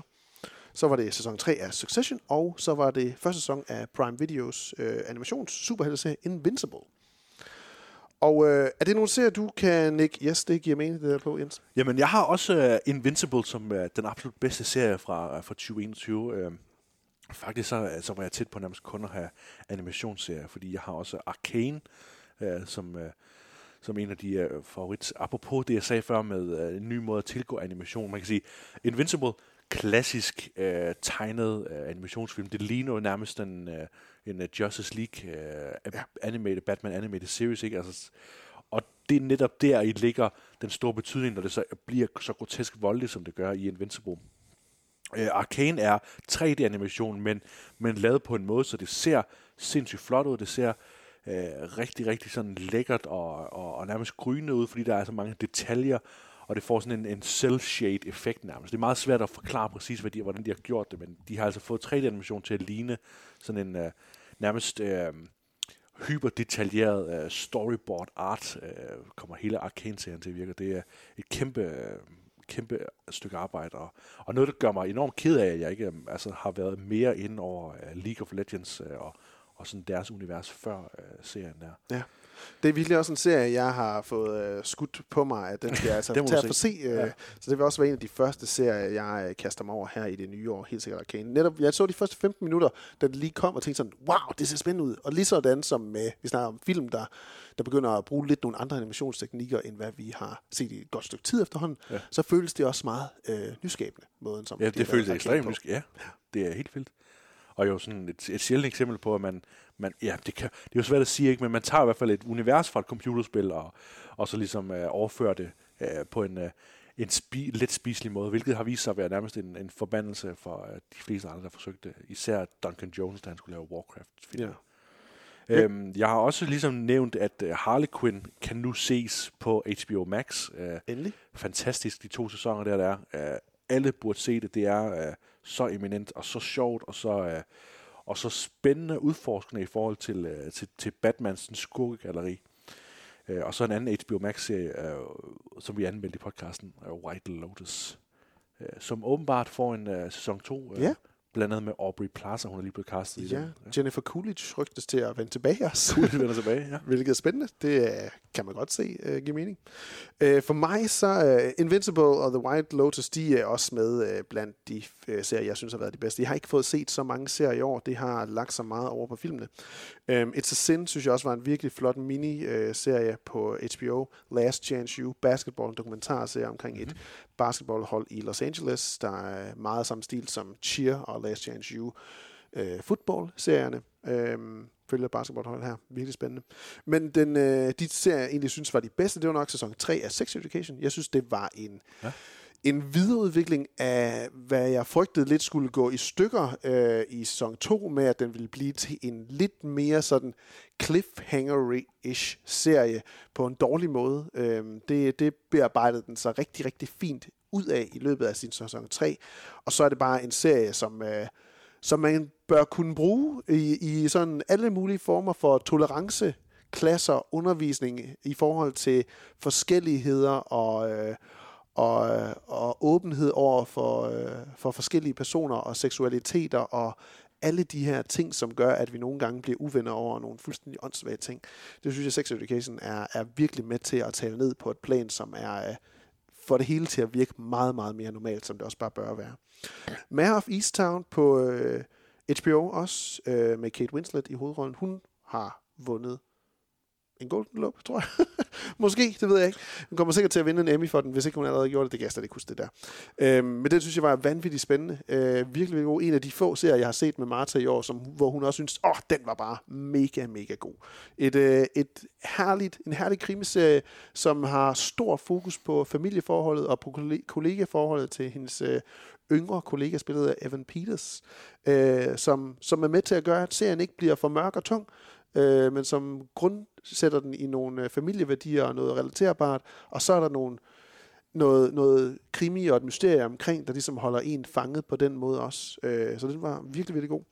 Men den bedste serie for mig, det var stadigvæk Succession, øh, sæson øh, 3 i, øh, i, den nye, i det nye år her. Fantastisk. Øhm, der, der, der, jeg synes, der er for mig ikke noget, der kommer i nærheden af, af hvor godt Succession er. Og jeg læste en rigtig fin artikel, der, der fortæller om, jamen, Succession gør meget det, som øh, alle serier har gjort, i, eller mange serier gør, det er, at de genbruger de, den samme formel, måske bare ved at rykke lidt rundt på nogle af brækkerne fra sæson til sæson. Og særligt undervejs i sæson 3, der begyndte jeg så at tænke sådan, jamen, kører det egentlig ikke bare i ring det her hele tiden med, at så er der den, der ligesom tror, at nu er det mig, der får lov, og så ryger han ned. Ja, så er det ja, hende, der det får rigtigt, lov, og det så rigtigt. Logan hele tiden, ah, han er lige ved, ved at ryge ud i svinget, fordi hans helbred, det svigter ham. Men så kommer han tilbage, og så overlader han ikke noget til nogen alligevel, og så tager han bare styringen. Det er lidt det samme, der sker hele tiden. Men det synes jeg næsten også er applausværdigt, at, at man ved at genbruge nogle af sine formler, kan få det til at stadigvæk være lige så spændende, eller lige så godt skuespil, og, og karaktererne imellem spiller så godt, og skuespillet det her, altså jeg, jeg kan ikke finde noget, jeg synes er lige så godt som Succession. Så derfor er det bare for mig den bedste serie. Jamen altså, for mig er det meget simpelt, ikke? Det handler om Jeremy Strong og, og figuren Kendall Roy, ikke? Det synes jeg ligesom er, at det er det hele øh, i virkeligheden ligger. Og, Men jeg synes også, at Roman, altså Kieran Culkin, han, han får rigtig meget mere. Han, han, Ja, skal, han er viser noget nyt i den nye Det sæson. rigtigt. Og Tom, Matthew McFadden som Tom Wormscams er også bare eminent god. Jamen, det er rigtigt. Ro- Roman får ligesom lov til at, at, at være sådan, uh, den, den sidste bastion af, af noget uh, korrekthed og en, sådan anstændighed, ikke? I, uh, selvom man næsten skulle forestille sig, at han var den sidste til ja. ligesom at kunne, kunne være den korrekte. En så- fuldstændig gloværdig scene med et, øh, et dick pic gone wrong. Ja.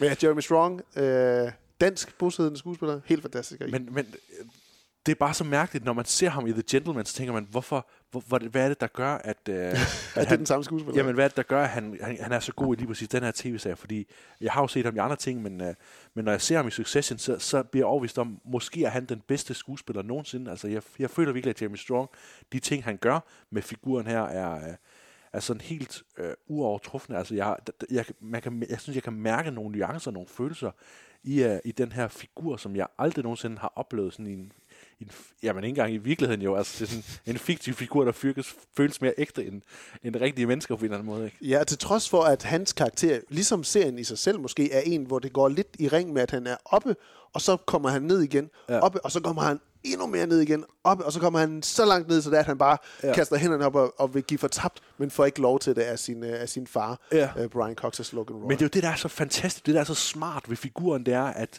at hver eneste gang han ligesom vender tilbage, så, så ved man jo, jamen gud, det er jo bare momentært, ikke? Altså, Ja. Og at man har ligesom, jamen, det bliver, det bliver bare mere og mere trist, ikke? For hver gang han er op igen, så tænker man, shit, men han har jo stadigvæk alt det der bagage, han har jo stadigvæk det, der skete med hans mor og alle sådan nogle ting, ikke? Altså, det bliver bare mere og mere sørgeligt, ikke? Så, så jo længere de trækker serien, jo, jo, jo, jo, jo større bliver tragedien med, med Kendall, og det er det, jeg synes, der er så fantastisk ved uh, Succession. Ja, og han formår jo, selvom det kan føles som om, den går lidt i ring, så, så formår han bare at få det hele til at virke friskt, synes jeg, Ja. Jeremy Strong. Ja, det er Alle rigtigt. hans scener, de er gloværdige simpelthen. Øhm, så Succession, det er, øh, det er for mig den, den bedste serie. Made, vil jeg også gerne lige sige. Loki, synes jeg, var den bedste af de her Marvel-serier, der Ja, kom i løbet af i år. det, det, vil jeg også have fremhævet, Også hvis var- ikke den har haft sådan en, en no-slutning. Altså, Ja, en den har lidt en... Uh, Nå, se, det her er spændende. Ja. Som vi ikke viser mere af nu, men om et år. Ja, tid. præcis. Ja. Ja. Det er en episode her, hvor der vi øh, holder fokus på de ting, vi synes har været det bedste, men vi plejer lige at have en lille sidenote af, hvad måske har været på den her lange letterbox-liste over 100 film for året, der er gået. Hvad har så været de tre, som vi har placeret aller, aller, aller lavest ned under 100-pladsen? Og, øh, og det skal vi ikke bruge så lang tid på, fordi at, øh, vi skal være glade og positive over alt det gode, der har været. Men for mig, der har det så været, øh, der har det været The Woman in the Window, øh, animationsfilmen Extinct, og så Space Jam A New Legacy, som jeg nok har endt med at sætte på den absolut sidste plads. The Woman in the Window er jo en, øh, altså er blevet en farce i sig selv, hvor Netflix Ja, opkøbte filmen, altså parodi, og så nu laver en parodiserie, der hedder The Woman in the House Across the Street from the Girl in the Window med, med Kristen Bell i, i hovedrollen. Ja, en serie, som... perfekt. Jeg har ikke set noget af det, men det- altså, den, de- reaktionerne fra dem, der har set noget af det, lyder til, at, at den skulle være okay, okay sjov, muligvis. Uh, Extinct, den første film, jeg var inde i biografen at se sammen med Nora, Uh, den havde ikke særlig meget at give af sig. Jeg synes faktisk, Paw Patrol The Movie, den var bedre end den Nå, her ja, film, okay, og det ja. siger jo lidt. Øhm, Ja. Så den, øh, den, den, den vil jeg ikke give, øh, give mange øh, runde donuts for. Øh, og det er fordi, de ligner runde donuts. Space Jam, A New Nå, ja. Legacy, den, oh, puha. det føles som om, at det var... Øh, at, at det var der Matrix Resurrections kunne være gået, men hvor det bare det hele gik galt, synes jeg. altså det er lidt eller det samme noget med en IP, og vi skal lave noget nyt, og så er øh, vi genbruger noget af det gamle på en ny måde, men åh, det bliver- lidt overfortalt, og vi crammer så meget content ind, og IP og alt muligt, så det er genkendeligt, men uden det her wink i øjet, som Matrix eksempelvis har i den nye. Øhm, så det, det, var, det var nok den film, jeg mest sad og tænkte i år, hvorfor skal jeg bruge tid her? Jeg overvejede at sige Last Night in Soho, men det- uden at det var den dårligste film, det var bare, som jeg sagde, da vi anmeldte den, den film, en af de film i år, fordi den eneste film i år, hvor jeg tænkte sådan, er det virkelig det rigtige at bruge min tid på? Det Ja, ja, jeg det sidder er og det. se alle de Det er her det. film, Ja, det er rigtigt for at sidde og anmelde det. Ja. Kan du virkelig, ja. Hvad med dig, Jens? Hvad var dine... dine Jamen, de værste film, jeg ligesom har på min liste, er jo faktisk, faktisk ikke film, som jeg vil anbefale, man ikke så. Altså, det er ikke, fordi Nej. jeg synes, det er spild af tid. Øh, jeg, øh, for, netop fordi jeg eller andet sted, så tror jeg, man har forskellige perspektiver på det. Blandt andet øh, den film, som jeg netop har sagt som den værste.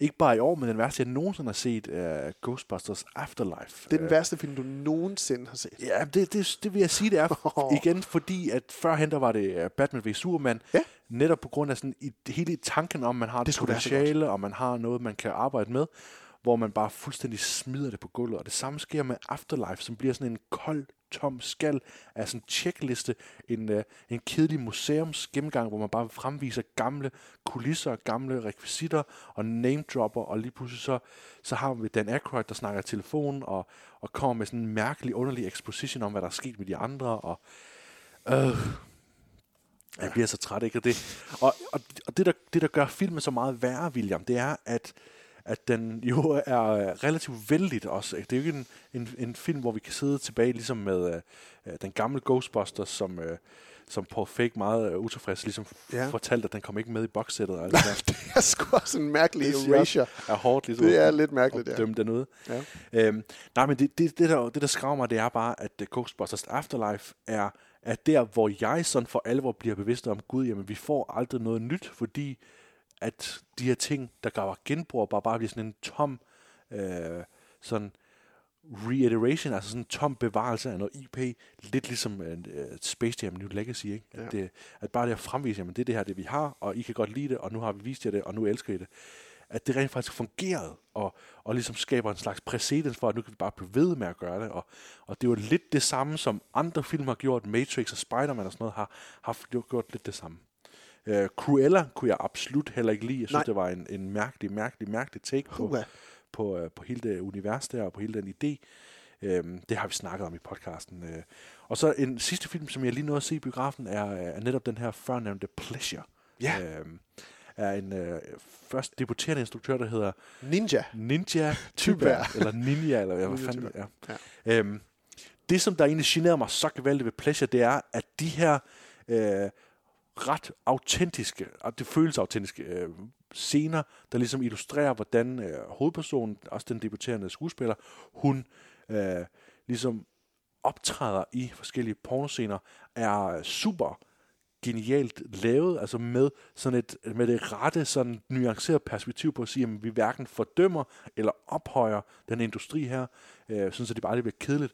Problemet er bare, at den centrale fortælling i Pleasure bliver sådan en, øh, en, en helt forudsigelig og klassisk gængs, øh, øh, hvad fanden hedder det, øh, sådan en ambitionsfortælling, øh, sådan noget som Da- Damien Chazelle har fortalt adskillige ja. gange, ikke, hvordan, øh, hvordan vi har ligesom den her it. hovedperson, som for alt i verden ligesom skal blive den største pornostjerne nogensinde. Ja. Det, er, det er sådan det eneste, men, men sådan hele miljøet omkring porno kommer kun til at bestille, kommer kun til at, sådan, at ligesom være flair. Det kommer kun til at være et selling point for at fortælle en meget gængs historie om, at her er en kvinde, hun vil gøre hvad som helst for at nå succes, og hun er selvfølgelig nødt til at, at træde nogen på tæerne og, og, og gøre nogle ting, som hun ikke selv synes er rart.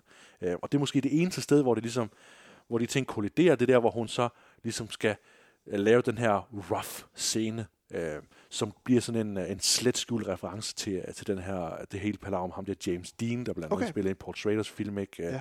som blev øh, ligesom anklaget for noget overgreb. Ikke? At det kommer også lidt ind i spil. Ikke? Det er der, hvor det, hvor, det, hvor det kolliderer, men ellers så bliver det bare en helt kedelig, sådan sædvanlig historie, der slutter altså et kedeligt sted. Øhm, igen, jeg vil anbefale alle at se øh, især Pleasure, fordi den, øh, den, den igen viser virkelig noget, der føles som et autentisk indblik i, i pornofilm med autentiske pornoskuespillere, ikke mindst, øh, som, som spiller rigtig godt også, øh, for det meste.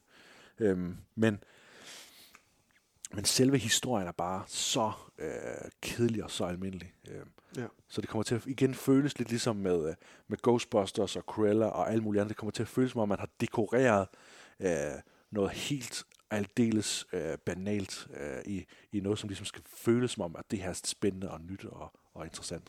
Okay. Jamen, selvom det ikke var en fornøjelse for dig, så glæder jeg mig stadig til at se den. glæder mig stadig til at se den. Ja. Det var lige øh, lidt, øh, lidt serie og lidt øh, af vores øh, bund 3 her. Vi skal nu videre med vores øh, top 5 af 2021's bedste film. Min femteplads, det er øh, nok den største gave, at øh, 10-årige og på en eller anden måde også 31-årige William kunne få i, øh, i, øh, i biografen. Det er Spider-Man No Way Home, instrueret af John Watts. Og det, det, vi snakkede jo rigtig meget om den i øh, den sidste episode, vi nåede at øh, udkomme med, inden vi gik på juleferie. Øh, om at det var en unik oplevelse at se den her i biografen med et, øh, en fuld sal af, af Fyns største Spider-Man-fans, og det var en, øh, en, en virkelig glæde, glædesrus, nærmest kan man, kan man tillade sig at sige, fordi der, havde- det har så mange, der har så mange fanservicerende øjeblikke, som, øh, som bliver spillet på en måde, der føles troværdigt. Øhm, der har så mange øjeblikke, der føles reelle. Øhm, det føles også på mange måder som i den af de tre Tom Holland øh, solo Spider-Man-film, hvor man kommer tættest på karakteren. Øh, en af dem, hvor det er, at der måske er mest på spil også. Øhm, og det gør også bare, at at der kræves noget mere af skuespillerne i den, der kræves noget mere af Tom Holland som Peter Parker som Spider-Man, og det leverer han, og det leverer hele castet. Hele castet er utrolig game på at skulle levere en stor publikumsoplevelse og en stor film med Spider-Man No Way Home her. Og den har gået sin sejrs, sejr, øh, sejrsgang i, i hele verden så meget, så det er, at der er mange, der er utilfredse over, at det nærmest kun er den film, man kan se i biograferne, og det er jo også et, et helt andet problem med pandemi-biografer, det er, at øh, de vil gerne bare have penge, så de sætter måske ikke lige en Red Rocket eller en Pig eller en Licorice Pizza i, uh, på programcentralet, for det er måske ikke den, som der tager så mange biografbilletter lige nu. Det lyder alt sammen som, øh, hvad hedder det, et, et euforis, euf, eufemisme for penis, det du sagde der. ja, Licorice Pizza, Pig og uh, Red Rocket, ja, det, det, det er sgu lidt pudset egentlig. Ja. Men øh, jeg synes, den var, øh, var helt igennem fantastisk, Spider-Man No Way Home. Jeg glæder mig til at se, om den er lige så spændende at se på fjernsynet, når det er, at man får mulighed for det. Lige nu har jeg lyst til at skulle ind og se den igen, når det er, at biografen her øh, genåbner. Øh, det ved jeg ikke, om du har lyst til også, Jens, om vi bare skal bare hoppe ind Og og, se den lige, lige så snart vi har mulighed for det ja. lige præcis. Ja, men det er min nummer 5. Øh, ja, øh, min nummer 5, det er øh, en øh, dansk film, der hedder øh, Hvor øh, kraverne vender. Den har fået den engelske titel øh, Persona non grata. Ja, lige over. Lige, lige over. Den skal lige, Lige over. over, lige ja, over, den skal lige over. Øhm, den kan man øh, lege på Blockbuster og alle mulige andre steder. Øhm, hvor kravene venner øh, handler øh, om en kvinde, der er fanget lidt mellem to verdener.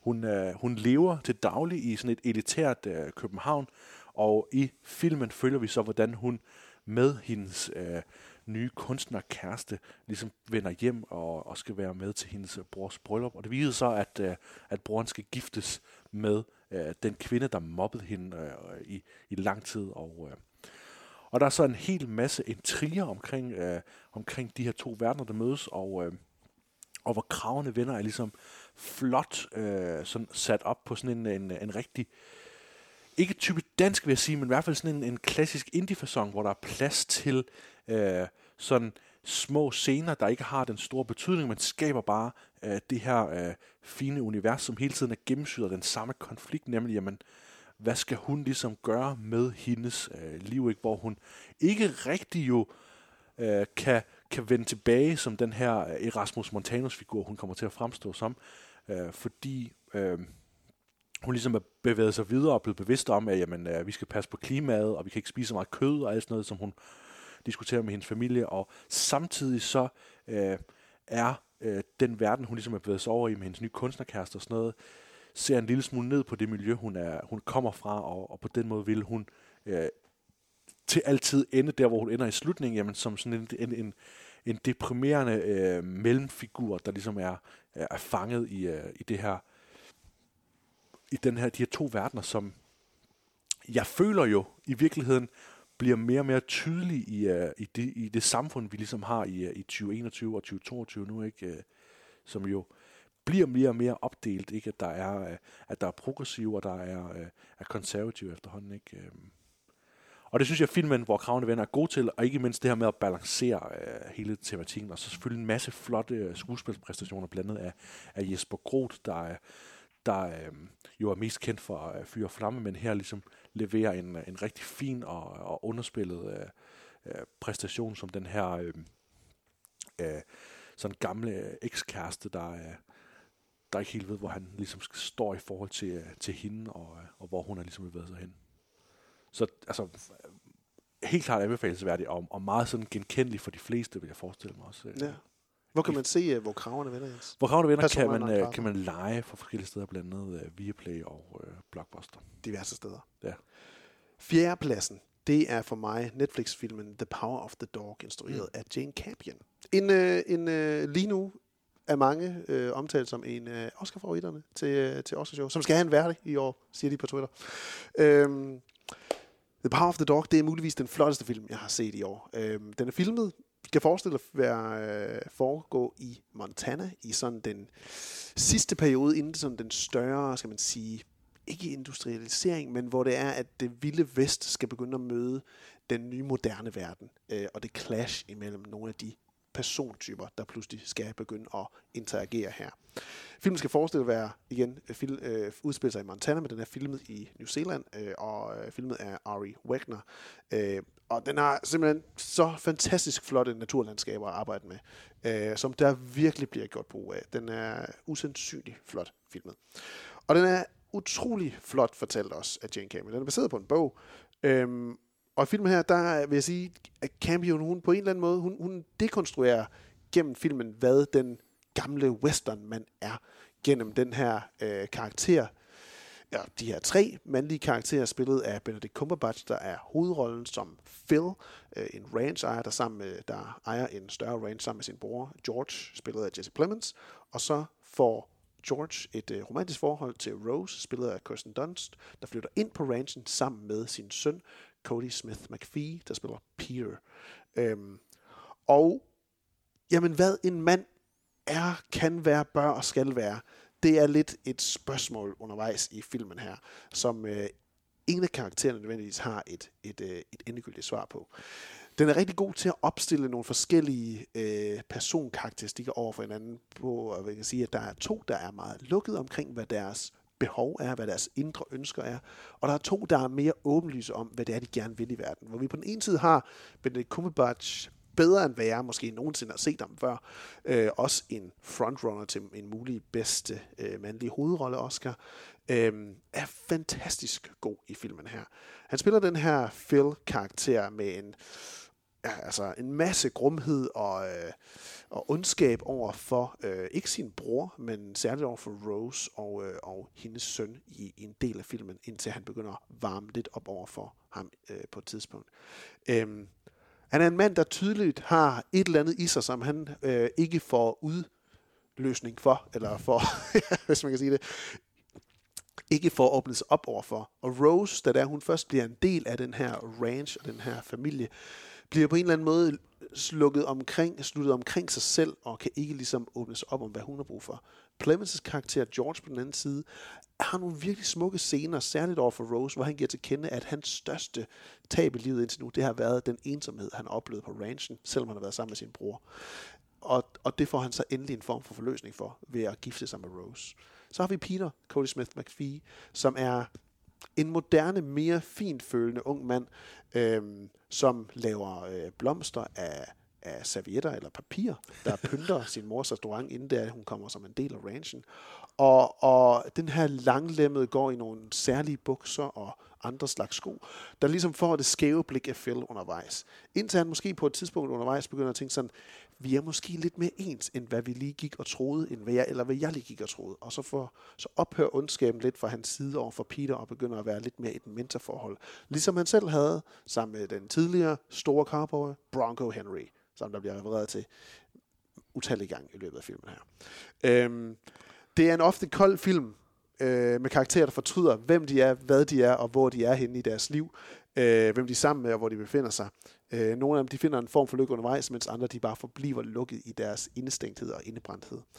Øh, den har nogle ikke så subtile homoerotiske øh, toner og faldersymboler undervejs, men det er måske blot noget, der er med til at skal man sige, fjerne noget af den her kolde film, den her tunge film fornemmelse undervejs.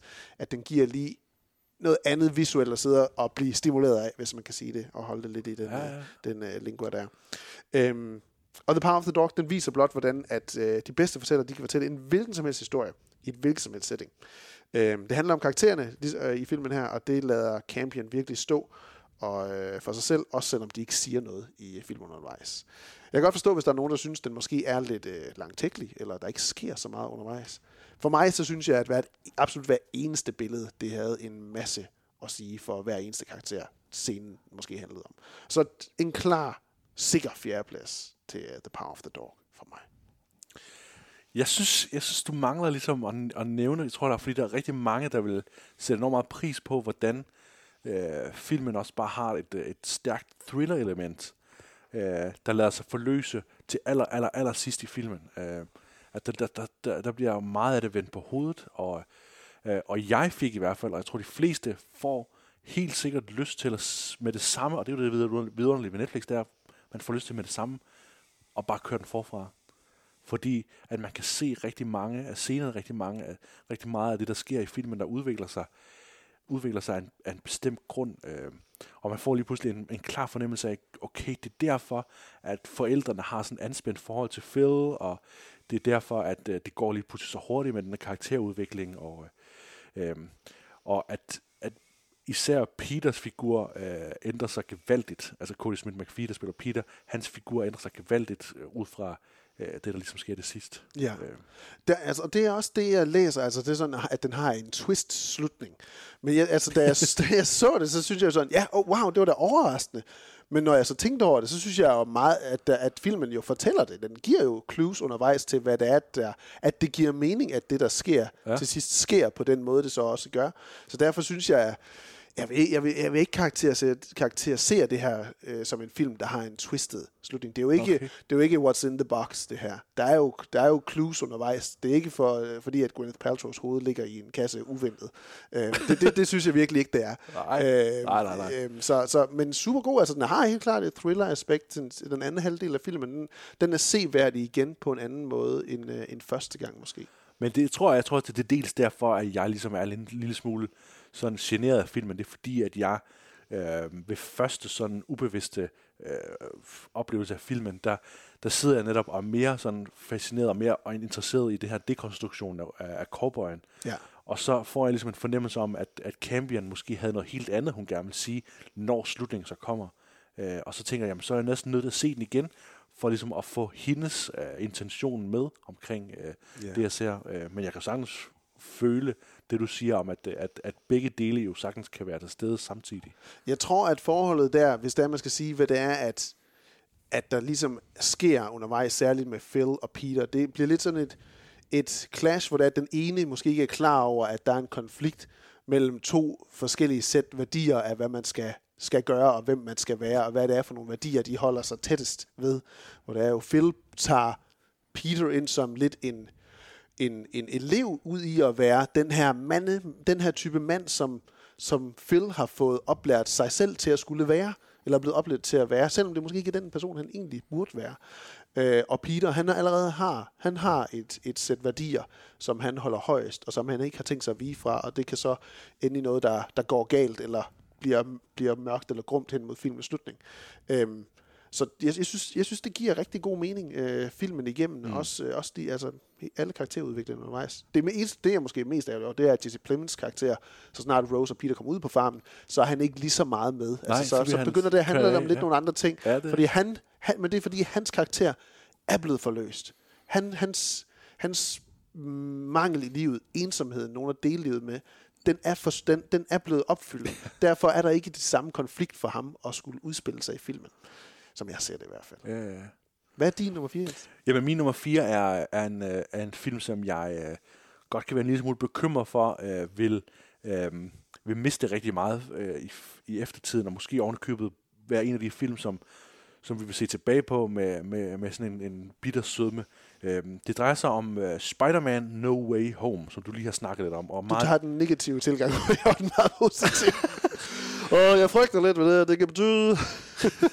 Men øh, ja, Jamen, nej, men, men det er fordi, at, øh, at, at jeg er nødt til i hvert fald at anerkende, at, øh, at, at oplevelsen af at sidde i en biografsal, hvor folk de klapper og Ja, ja, hujer, og kæmpe betydning. øh, øh, altså det, det er jo en, en helt sådan øh, uforglemmelig oplevelse, øh, som jo jeg, jeg ved ikke, det er jo ikke sådan, det er jo ikke til dels, det er jo ikke fordi, at filmen var fantastisk, at folk sad og klappede af hovedet. Det var mere fordi, at filmen ligesom giver publikum det, som de gerne vil have, og det, som de havde forventet, de, gerne, de, Ja, ja, de, ja. De, de skulle få.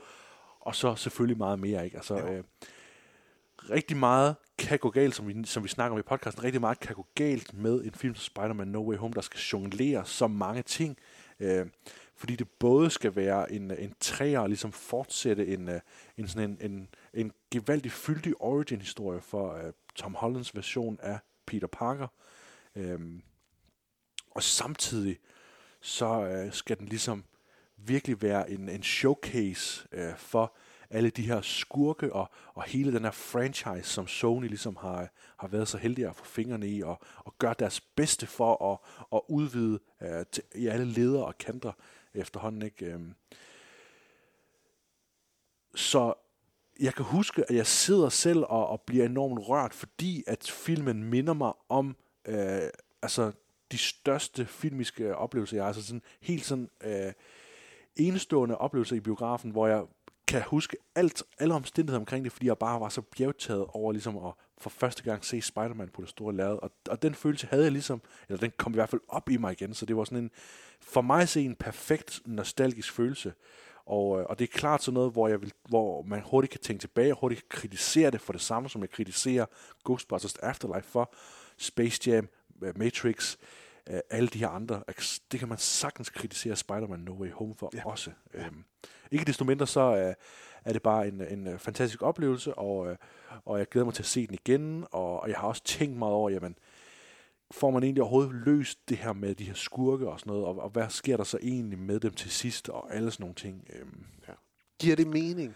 Øh, men, men igen, det er det her med, det er jo ikke det, uh, kritik skal handle om, for så vidt muligt. Det, er, det skal handle om noget andet, og, og Spider-Man No Way Home øh, løfter ligesom øh, Spider-Man-figuren, og, og, og for mig gør det, som, øh, som øh, Homecoming og øh, Far From Home ikke gjorde. Øh, det var ligesom at lade Peter Parker øh, ironisk nok med den her film være, være sin egen øh, superhelt, være selvstændig, være, øh, være den her teenager, der på en gang skal være teenager, men samtidig også være tvunget til at stå alene med det her ansvar, som er det absolut mest afgørende ved Spider-Man-figuren, og ved Marvels, hele sådan Marvels tegneserieunivers. Det er så fundamentalt, at deres øh, figur er ikke bare guder distanceret fra omverdenen. De er øh, mennesker, der er øh, forbandet med det her ansvar, de har fået, som, øh, som Peter Parker har. Ja. Øhm, han står med noget, der er en alt for stor opgave for en lille dreng som ham. Præcis, præcis. Og det, øh, det får man ligesom en fornemmelse af i, i No Way Home. Ja. Um, Willem Dafoe er sindssygt fedt at have ham uh, tilbage også. Uh, og det samme med, med Molina i virkeligheden også. Uh, de to uh, gør et, et fantastisk stykke arbejde for, uh, for at vi ligesom synes, at der er noget at komme efter i No Way Home. Det gør de. Ja.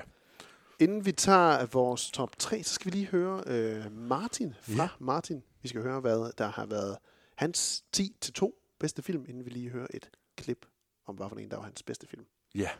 Martin han har nemlig ud over set en masse fantastiske serier, så har han også set uh, nogle rigtig spændende film. Uh, og på hans top 10, der har vi ligesom fra 10. pladsen, der har vi The Suicide Squad. Uh, på 9. plads, der har vi The Green Knight, som du også havde. Så har vi uh, den her animationsfilm, DC animationsfilm, der hedder Injustice. Uh, så har vi No Time to Die. Uh, så har vi Dune.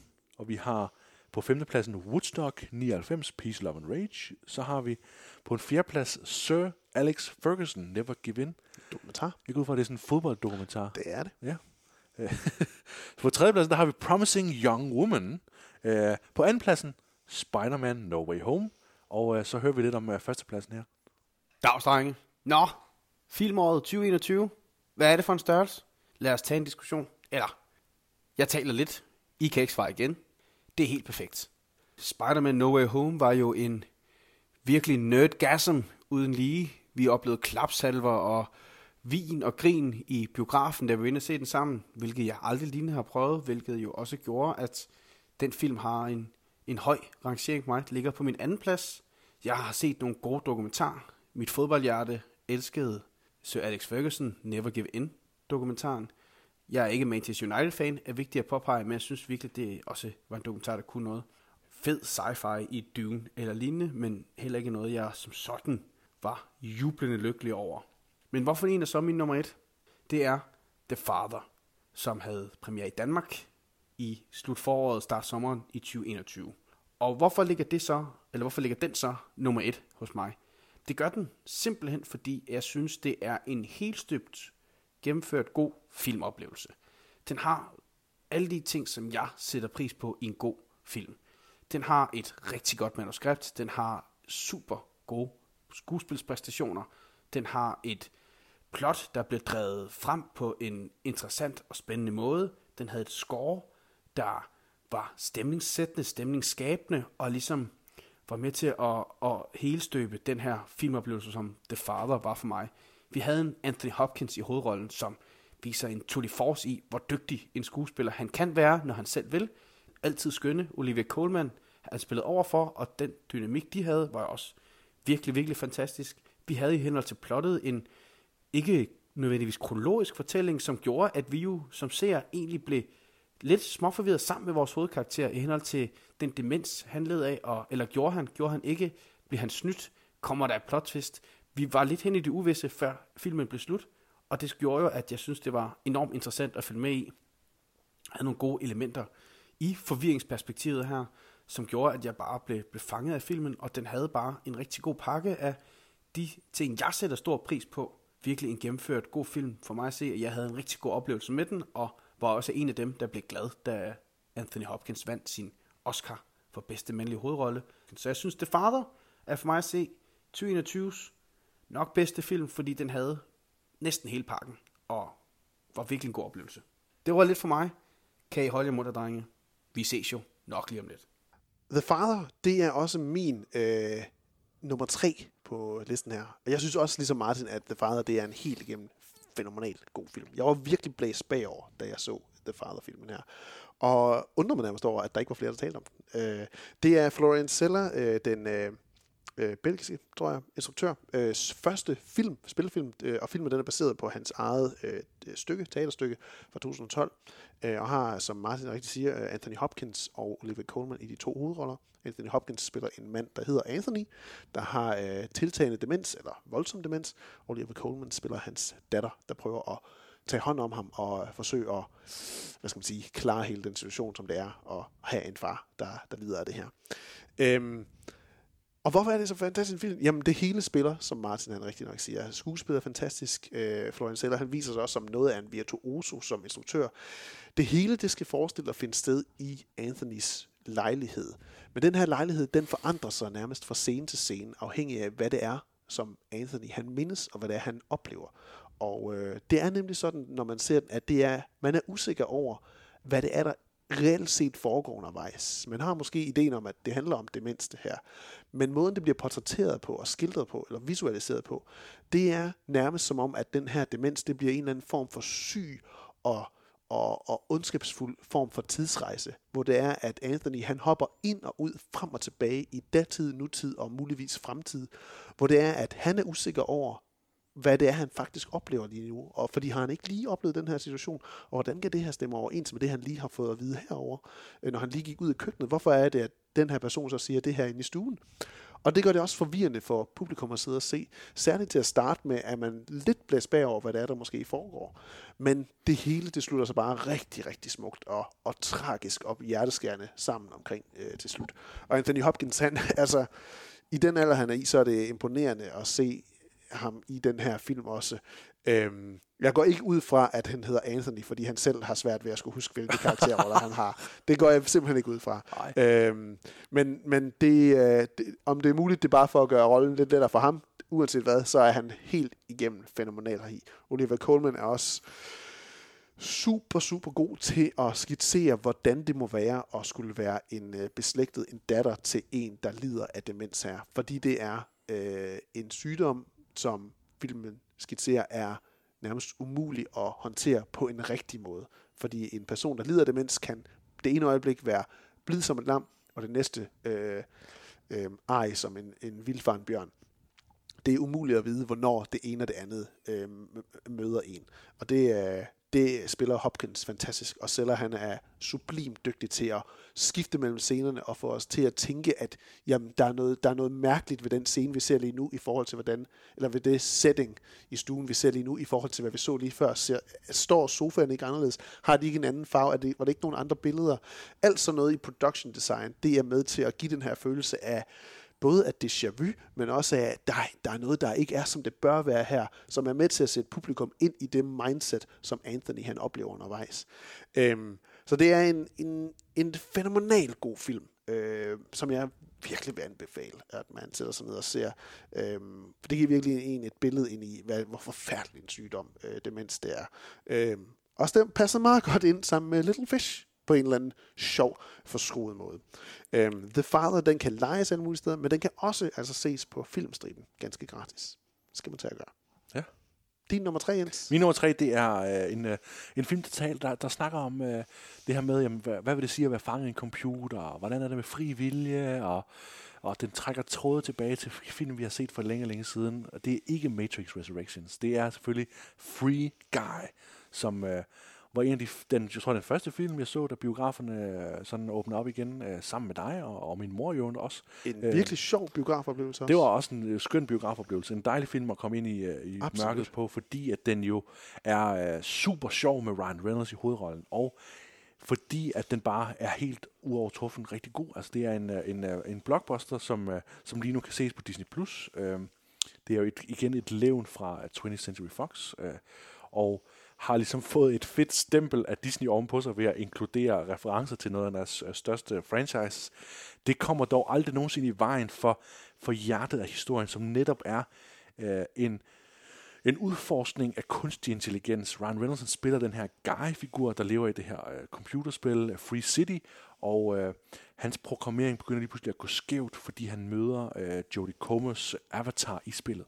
Øh, og, og sådan hele fortællingen omkring, hvorfor det er, at, at hans, uh, altså hans kunstige intelligens lige pludselig begynder at, at, at, at ændre sig på, på grund af hende, er, er enormt sådan uh, gennemført, og det er Sean Levy, der har instrueret uh, hvad hedder det, filmen her, og, og det gør han egentlig en, eminent på en måde, hvor han får uh, samtlige af de her figurer, der optræder, både Taika Waititi, sådan uh, lettere uh, irriterende skurkfigur, der ligesom er igen den her uh, tech-gigant øh, ejer af det her computerspil, uh, som, som taler et lidt for ungt sprog.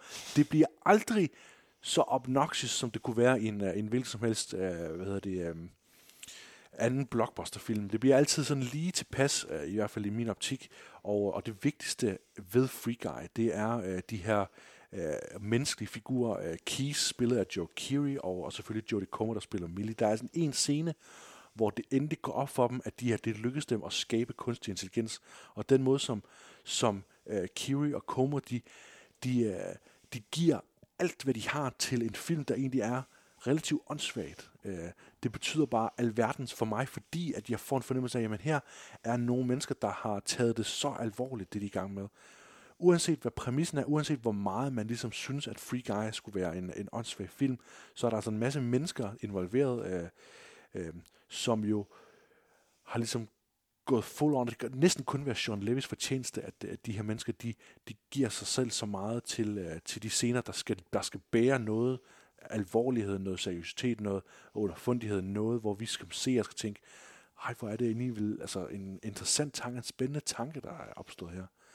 Øhm, så Free Guy øhm, er ikke bare øh, en, en fed actionfilm. Der er en masse sådan fed koreografi omkring, hvordan det vil være at slås på sådan nogle quicktime events i det her spil.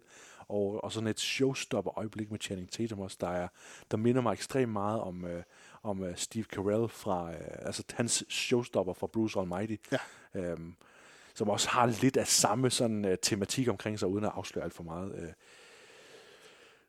jeg kan, altså igen kan jeg ikke forstå, hvorfor at folk synes, at den her film er irriterende. Jeg kan godt forstå, at folk ser den og tænker, gud, det her det er jo det samme som, øh, som hvad hedder det, Lego-filmen. Det er det samme som, øh, som hvad hedder det, øh, den anden Jim Carrey-film, hvor han også er fanget i det her... Øh,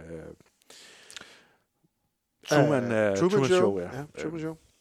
Og Matrix og alt sådan noget. Det er selvfølgelig et jam på alt det der, men men med et twist af fri vilje og kunstig intelligens, som, øh, som kun kan øh, ligesom fortælles i, i den verden, vi lever i nu. Ja. Så jeg synes, Free Guy er en skøn, optimistisk og, og, øh, og både underfundig, men også et let spiselig udgave af, af, af mange af de ting, som der skal bekymre os i, uh, i moderne uh, dage. Man skal ikke komme for at se den for at få sådan et, et, et nuanceret og autentisk indblik i uh, computerspilsverdenen. Det er kun en, uh, en, en indgang, en frame for at fortælle sådan en, en, en ret sjov og, og gevaldig underholdende historie om, uh, om fri vilje og kunstig intelligens. Ja.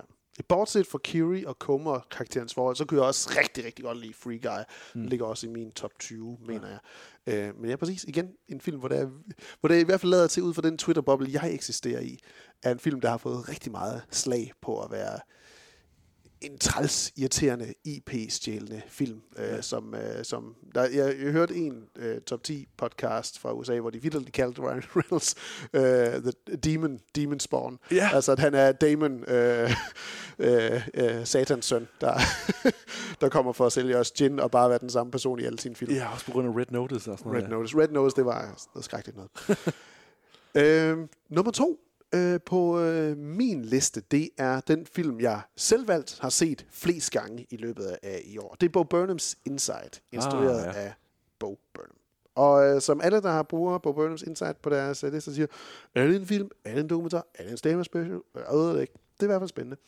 Øhm, og for mig var det en, øh, som brugte lang tid, vi brugte en del tid på at snakke om den i, i podcasten, da vi anmeldte den i sin tid. I den film, hvor jeg har følt mig meget set, uden nødvendigvis at synes, at jeg har været lige så langt nede som Bo Burnham. Men han er formår bare på en skæv måde, på en sjov måde, men også meget, meget melankolsk måde tit, at sætte en, en, en, et forstørrelsesglas eller en lup på mange utallige af de emner, som det er, at vi har skulle belemmer vores hoveder, vores tanker, vores samtaler, vores diskussioner på internettet med gennem de sidste halvandet til to år. Øhm, på en, en, en imponerende let måde, virker som. Det er som om, at hans kreativitet den når helt nye højder med den her special, som han har lavet, og som man kan ses på Netflix. Øhm, det er så klart også, min øh, Spotify Wrapped er også, det var det album, jeg havde lyttet mest til i løbet af i år. Jeg tror sågar, at That Funny Feeling, det var den, jeg havde, lyttet- den sang, jeg har hørt mest i løbet af det sidste år. Øhm, så meget, så at jeg går og overvejer, om jeg skal lave det som en lille tatovering i stedet. Øh, jeg siger det samme. Det er forfærdeligt, ikke også? Øhm, ja, så det, det, det, det er nok der, vi er, når der vi ses næste gang. Nej, det er ikke sikkert. Det går så hurtigt. Men øhm, den her sparsomlige scenografi, som han, øh, han bruger, Burnham, det gør os også på en eller anden måde i stand til at tænke, det her det er jo noget, alle mennesker de kunne lave. Hvis bare vi havde den samme, den samme kreativitet, det samme intellekt, selvfølgelig også lidt de samme ressourcer, som Bo Burnham han er i stand til at trække på for at lave det her. Men det er jo så sparsomligt et setup. Og så har han nogle kostymer, han har nogle kameraer, en masse dejlige lyseffekter, som gør, at det her tomme øh, rum med tre vægge og et, øh, et trekantet loft, kan blive til en masse forskellige verdener, som han formår at fortælle en forfærdelig masse forskellige historier, og komme med utrolig mange spændende indblik i, som jo som altid med Burnham er øh, selv øh, nedgørende på en måde, selvironiske, øh, og, og på den måde gør ham lidt mere relaterbar og lidt mere håndgribelig, øh, selvom det virker til at være noget helt særligt, han, han, han kaster linen ud efter med, med sin, øh, sin film her. Øhm, så det er min, det er min nummer to for, øh, for i år. Jeg synes, det har været en fantastisk film at sidde og gense også, og igen set den mange gange.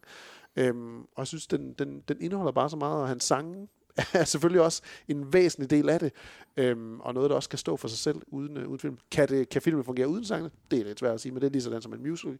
Musical fungerer de uden sin sang? Det er, ikke, øh, det er næsten ikke en, en diskussion, der helt er værd at tage. Men øh, i hvert fald, det er min nummer to. Jeg tror, jeg tror også umiddelbart, jeg vil sige, at, øh, at Inside er, er ligesom den ting, man skal se fra, øh, fra året. Altså, øh, øh, uanfægtet om det er film eller sådan noget, men det er, Ja, i, hvert fald, ja. det er i hvert fald jo øh, det kulturelle produkt, som, øh, som allerbedst øh, inkapsulerer, øh, eller ligesom samler øh, den tidsånd, der er i den periode, den er lavet i. Ikke? Øh, Når vi langt ude ligesom tænker tilbage til øh, 2020 og 2021, og, og hvor lang tid det nu kommer til at vare med pandemien, så vil Bo Burnhams Inside øh, i hvert fald for, øh, for hvide mænd være øh, et øh, sådan et øh, ikonisk øh, værk, der ligesom øh, nøjagtigt kan illustrere især, hvilken følelse der har været omkring øh, hele situationen. Ja, præcis. Og det er ret imponerende at have lavet det. Det, det, øh, det tror jeg, jeg tror, der er helt klart, at Bo Det var, ikke, det var ikke der, man havde regnet det med, at det skulle komme fra. Nej, absolut ikke, absolut ikke. Men han, han sidder virkelig med, øh, med sådan et, et, et blivende værk, hvor øh, man kan sige, mange af de andre film, vi snakker om, de vil, øh, de vil uh, tabes uh, like tears in the rain. Ja. Øh, Muligvis. men nok Et ikke andet her. citat, jeg overvejer at få tatoveret på min Ja, kondens. ja, ja. Lige nede langs indersiden af låret, du. Og på trods af, at han, han jo selv starter med at sige, at det er here's some content, ikke? Altså, her er bare Ja. noget endnu mere, som du kan fylde din, Det er nemlig liv det. med. Og jeg lappede det i mig. Min nummer to var, skulle lige, øh, skulle lige indfinde sig, øh, før den ligesom fandt vej på sin plads. Det var en af de sidste film, jeg ligesom øh, nåede at fange i øh, biograferne. Den her øh, vidunderlige øh, norske film, der hedder De Uskyldige. Ja, okay. Øh, hvad hedder han? Øh, Eskil Fugt, som jo øh, laver stort set alle film sammen med, øh, eller har skrevet Joachim. sammen med Joachim Trier, har skrevet samtlige film sammen med ham. Øh, han har f- ligesom instrueret øh, De Uskyldige, øh, som... Øh, øh, nej, han har også, undskyld, han har også lavet, øh, eller sam, nej, undskyld, øh, han har skrevet sammen med de andre, Joachim Trier. Jeg kom til at tænke på øh, Thelma, men det er jo også Joachim Trier, der Det er har lavet Thelma. også, ja, præcis. Her der øh, Eskil Fugt lavet den selv. De Uskyldige er en... Øh, en, øh, en gyser. Den er solgt som en gyser, men det føles ikke så meget som en gyser, når man ser det, fordi det handler mest af alt bare om, øh, om børn i sådan en... Øh, i sådan et flot, iscenesat øh, boligblokmiljø. Øh, Ja, det er sådan lidt supernatural social drama. Ja, altså hvis man, ja. øh, hvis man kan huske Chronicle, den her Just Ja, Train-film, lige øh, så, så har den lidt det samme, bare er væsentligt yngre, men spiller på samme dynamikker med, at øh, her er nogle, øh, nogle børn, der lige pludselig oplever, at de har de her sådan klassiske øh, øh, telepatiske evner med øh, telekinese og øh, telepati og, øh, og lignende, ikke? Øh, øh sådan helt klassisk øh, øh, sådan Matrix, øh, ikke Matrix, sorry, X-Men evner, ikke? Øh, og den måde, som evnerne er illustreret, er sådan helt low-key med sådan billige effekter, øh, uden det bliver sådan tydeligt øh, CGI, men det bliver ligesom løst på samme måde, som man gør med Chronicle. Chronicle var jo løst ved, øh, ved det håndholdte kamera. Her der er det ikke håndholdt, men det er bare sådan meget subtilt. Og, Meget fint, øh, og, og den måde, man ligesom viser det på. Der er nogle enkelte steder, hvor det bliver ekstremt hyggeligt i min optik, øh, ekstremt uhyggeligt i min optik. Øhm, Ekstremt hyggeligt. ekstremt hyggeligt. Det er så hyggeligt. det, bliver aldrig, det bliver på intet tidspunkt hyggeligt, den her film. Det kan jeg godt love. Øhm, noget af det, der slår mig meget ved øh, De Uskyldige, det er, at, øh, at den måde, som, som, som ligesom den her, de her øh, blokke er sat op, det minder mig ekstremt meget om, om det, hvor jeg også havde min barndom. Så derfor var det bare, det giver bare i hvert fald mig en ekstra indlevelse i det her miljø, som, øh, som figurerne bevæger sig i. Og så er der nogle sådan helt øh, ufattelige øh, præstationer, især af, af en, øh, en, øh, en, en ung skuespiller. Det er svært at vide, hvor gammel hun er, men hun skal i hvert fald foregive at være svært ramt af autisme. Mhm. Og så via de her evner, ligesom nærmest sådan... Øh, Åbner op for hende på Åbner måde, ja. op, ikke? Og, og ligesom øh, blive i stand til at gøre nogle ting, som, som hendes familie førhen ikke har været i stand til. Og, og den måde, som skuespilleren ligesom øh, overbeviser os om, at hun går fra at være fuldstændig sådan nærmest Ja. øh, lammet altså af væk, ja. autisme, til ligesom at kunne, at kunne, kunne kommunikere lige pludselig, er helt sådan øh, forrygende og Meget og naturalistisk. ufatteligt Ja. ikke, af en, en skuespiller så ung, som hun så egentlig er.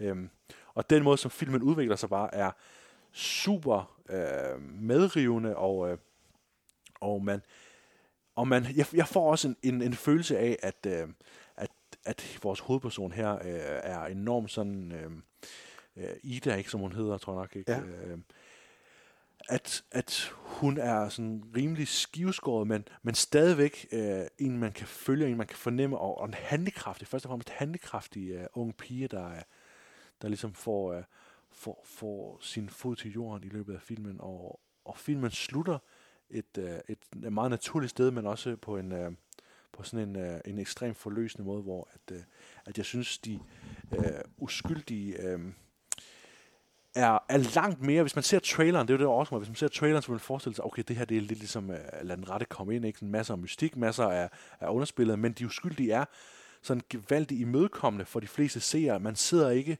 med så meget, man ligesom skal overkomme, så meget man skal undre sig over. Det er meget sådan, hvis du kan acceptere præmissen om, at de her unge mennesker, enten på takket være miljøet, de er i, eller en eller anden mærkelig grund, hvis man kan acceptere, at de får adgang til nogle overnaturlige evner, så er der ikke mere, man ligesom skal til at, håndtere. Og så er man egentlig ret godt med, synes jeg, og det synes jeg er fantastisk, fordi det gør, at en film som De Uskyldige virkelig fortjener et kæmpe publikum, som jeg håber, at uh, den får, så snart den rammer uh, en bredere distribution på, på streaming og så Ja. videre. Den kunne jeg, også, jeg kunne også godt lide den, og synes, det var en virkelig fin film, og altså nogle rigtig gode børneskuespillere. Øhm, jeg havde lidt svært ved at helt se mig ind i, det, det, det, det, det, altså, hvad betyder den røde dør? Øh, hvad, hvad, er det, hvad er subteksten af, af Eskil Fuchs fortælling her? Fordi jeg føler lidt, når der man sætter de her børn i den setting, som de er i, det er bulebyggeri, den, og den eneste dreng, der er med, det er en, der er, hvad skal man sige, af anden etnisk herkomst end en norsk øh, ben, det kan man øh, ben Benjamin, som øh, er, er, ja. er indvandrer, øh, eller hans mor eller bedsteforældre var det, og han er det, den, den karakterudvikling, han tager, der tager den lidt mere i den, den ondskabsfulde retning. Øhm, og altså, jeg føler, at det er sådan, hvad, hvad er det, hvis der er noget underliggende tema, som han prøver at fortælle her, Eskild Fugt, så synes jeg, det er meget, okay, det er den her anetniske dreng, der, er, der bliver ond over for de her øh, bly, meget traditionelt udseende norske øh, blonde piger. øhm, og det, det har jeg sådan lidt svært ved helt at se, om det virkelig er det, han mener, eller om det er mig, der ikke kan se, om der er noget mere, han gerne vil fortælle med filmen, eller om der ikke er andet end, end bare, hvad det er, vi ser. Øhm, men jeg kunne rigtig godt lide den. Altså, jeg Ja. synes, det var en virkelig, virkelig fin, stille film, med netop de her effekter også. De var også rigtig godt lavet. Og, og utrolig, hvor meget intensitet man kan få ud af nogle skuespillere, bare at de står og stiger intenst. Øh, der var i hvert fald flere gange undervejs i filmen, hvor jeg havde hjertet helt op i halsen over, hvad der nu ville ske som det næste, fordi at det var nogle meget, meget voldsomme scener, nogle af de her børnekarakterer, de skal sættes i. Øhm, noget, hvor man tænker sådan, åh nej, det er åh, stakkels børn, det skal de ikke udsættes for. Ja, for Øhm, Man kan sige, at Fugt han forbryder sig mod en af de mest heldige uh, regler i forhold til at skrive manuskript. Ikke? Det er uh, save the cat. Ikke? Uh, altså, det er sådan, der er nogle sådan ting, man ikke kan gøre i film. Det er blandt andet det her med at, at, at forbryde sig mod dyr. Ikke? Fordi Jo, vi bare som mennesker har det virkelig svært med det. Og det, det skal man ligesom overkomme i den her film. Det skal man lige hurtigt komme over. Og det synes jeg også, men det synes jeg er en vigtig pointe i filmen, fordi det er jo netop det, der er temaet for mig. ikke? Det er, at, øh, at Fugt han er ligesom interesseret i at sige, at børn er, øh, man kan sige, et, u, ubes, altså et uslæbende diamanter. Øh, så de har øh, potentialet til det gode og det onde, og, Ja, ja. og de skal ligesom formes. Øh, og derfor vil man opleve, at børn, og det har vi sågar set, jeg har lige hørt en historie om en, en lille dreng, der smed øh, så store betonblok ud på vejen, og har fået biler til at smadres ind. Mm. Så man hører hele tiden om, hvordan børn, de, de, har, de mangler ligesom et moralsk kompas, ikke? og det er også Ja. det, som filmen ligesom arbejder en lille smule med. Helt sikkert, og det er en rigtig, rigtig fin tematik. Det er blot det med etniciteten på drengen over for de her piger, der er sådan Ja. ja. lidt, hvad, det, det virker lidt mærkeligt Ja. måske. Men, øh, men en rigtig god film, som man forhåbentlig snart kan se på noget stream. Ja, det kommer til at sige en lille, lille smule for meget om, at, at, han, øh, at han, fordi på grund af hans kultur, kulturelle baggrund, så bliver han selvfølgelig negligeret ikke, i forhold til, øh, Ja, lige til, til andre norske, øh, til andre norske ja. Nå, vi skal have vores øh, førsteplads, Jens. ja, vi skal altså. Min førsteplads, hvis det var Spider-Man No Way Home, det var gaven til den 10-årige William, så føles øh, min nummer 1, øh, som var din nummer 10, Shithouse af Cooper yes. Rave, som en, øh, en film, der føles som en gave for resten af mit liv. Hey. Sorry. Do you mind if I just get past you? Oh my god, you sent her so many messages. Hey, what's going on? Hey. See you. Are you sure that that was um the girl? Yeah. It just seems like she didn't know that you existed. Why do you want to just go back to what you were doing? Did you think we were gonna date because of one night? Tonight, we're making new friends. Let's get outside the comfort zone. Maggie is outside of my comfort zone, though. What I've realized is that I haven't fully been here. College is the most selfish time of your life. The agenda here is not to learn how to be a great friend. What is the agenda? Figure out who you are. Figuring out who you are separate from other people. Det er en af de sjældne film, som, øh, som man ser en gang imellem, der føles som om, at den er lavet ikke på ens liv, men hvor der er så mange elementer, der virker genkendelige, som noget, man kan sige, det her, det passer på mig. Det her, det er noget, jeg kan se mig selv i. Det her, det er en historie, jeg, jeg kan genkende. Og på den måde, så bliver følelserne, som karaktererne præsenterer, de situationer, de bliver sat i, noget, som det er, man lige pludselig selv sidder og tænker, jamen, det her det er jo ikke blot minder, jeg har. Nu har jeg det pludselig som film også. Det var en film, hvor jeg tænkte, efter at have set den, det her, det er, det her, det er en film, som jeg vil som gammel mand vil kunne finde frem og se, og få en rekalibrering, en genskabning af de minder, jeg havde som ung, på, en, på oplevelsen af det at være øh, forelsket, og skulle stå på egne ben, og, øh, og blive til den person, man gerne vil være, og, øh, og, og få genoplevelsen af den, fø- de følelser, den usikkerhed, den, øh, de sejre og, og, og hele det, den verden, som man befandt sig i på det tidspunkt i ens liv. Så Shithouse for mig, det føles meget som en gave. Øhm, for dig så følte du lidt, at den lidt sukkersøde slutning, filmen den præsenterer, lidt går i den retning, hvor du så synes, ah, det var måske ikke lige det, man burde gøre. Og øh, jeg så netop, inden vi skulle lave podcasten her, hvor jeg lige skulle ind og læse lidt mere om det, det er meget, det er et stykke tid siden, jeg har set filmen her, hvor nogen der sagde, at det er muligt, at man kan tænke, at afslutningen af filmen, det er mere, hvordan øh, Cooper Raves karakter ønskede, at det skulle udvikle sig, mere end hvordan det måske reelt udvikler sig. Ja, ja, ja. Hvor, hvor, Om det i virkeligheden var virkeligt, eller hvordan det skulle være. Jeg vælger at se det som, at det er den virkelighed, han oplever. Ja. Øhm, for mig, der bliver filmen sådan en mærkelig sammensmeltning af min oplevelse med en, en pige, jeg var rigtig forelsket i i gymnasiet, og så min tid med at starte på universitetet og flytte hjemmefra, øhm, og, så, øh, og så møde den kærlighed, som så skulle blive mit livs store kærlighed i, i Marte, øhm, hvor kærligheden og til den pige i gymnasiet, det, det, det gik ikke på den måde, som det skulle, som jeg overhovedet gerne ville have, det skulle gøre. Og det gør det heller ikke for Cooper Raves karakter i, i Shithouse. Og er- det er så hjerteskærende at sidde og se, fordi det bliver nogle, det bliver nogle følelser, der bliver vældet op igen, men samtidig gør det også, at man får mulighed for at sidde og reflektere over, jamen, hvordan var det nu lige, det var for mig, og kan vide, hvordan det var for den anden person, de her situationer. Og måden filmen så slutter på, det bliver en anderledes slutning, end hvordan det sluttede for mig, og selv, selv sagt, og den, den pige, som, øh, som hovedkarakteren har i filmen her. Ja. Men det bliver på en eller anden måde et, et lille, dejlig måde at runde mine egne minder af på, som at sige, Nå ja, men det var sådan, det måske kunne være gået så, hvis der var, at der var nogle andre ting, der var gjort på en anden måde. Og det, det er bare sådan en rar viden af, at for nogen, der lykkes det, ligesom man gerne vil have det med de mennesker, man gerne vil have, at det skal gøres med. Og for andre, der, der går det i vasken, og det er nok også meningen, at det ikke skulle blive til det, det var meningen, det skulle blive til. Så da jeg havde set Shithouse, der var jeg virkelig sådan, wow, det, det, var, det havde jeg ikke regnet med for den her film. Øhm, så det, det er en, en film, jeg har sat på en liste over film, som vil sige, det her det er nogle af dem, som man kan få et indblik i, hvem jeg er som person måske, er at se den her film. Øhm, en rigtig soft boy, sagde tidligere. Øhm, en nice guy. Ja, det er ganske enkelt den mest personlige filmoplevelse, jeg har haft i, uh, i meget, uh, meget lang tid. Øhm, ja, en, en, en, når film fungerer som substitut eller en forlængelse af ens egne minder, så, så kan det næsten ikke blive stærkere. Øhm, og jeg præcis, jeg vil kunne genbesøge den her og få genskabe minder fra, fra ungdommen. Og det, det er sgu fantastisk på en eller anden måde. Så det er min klare nummer et Ja. bedste film fra, fra 21. Ja.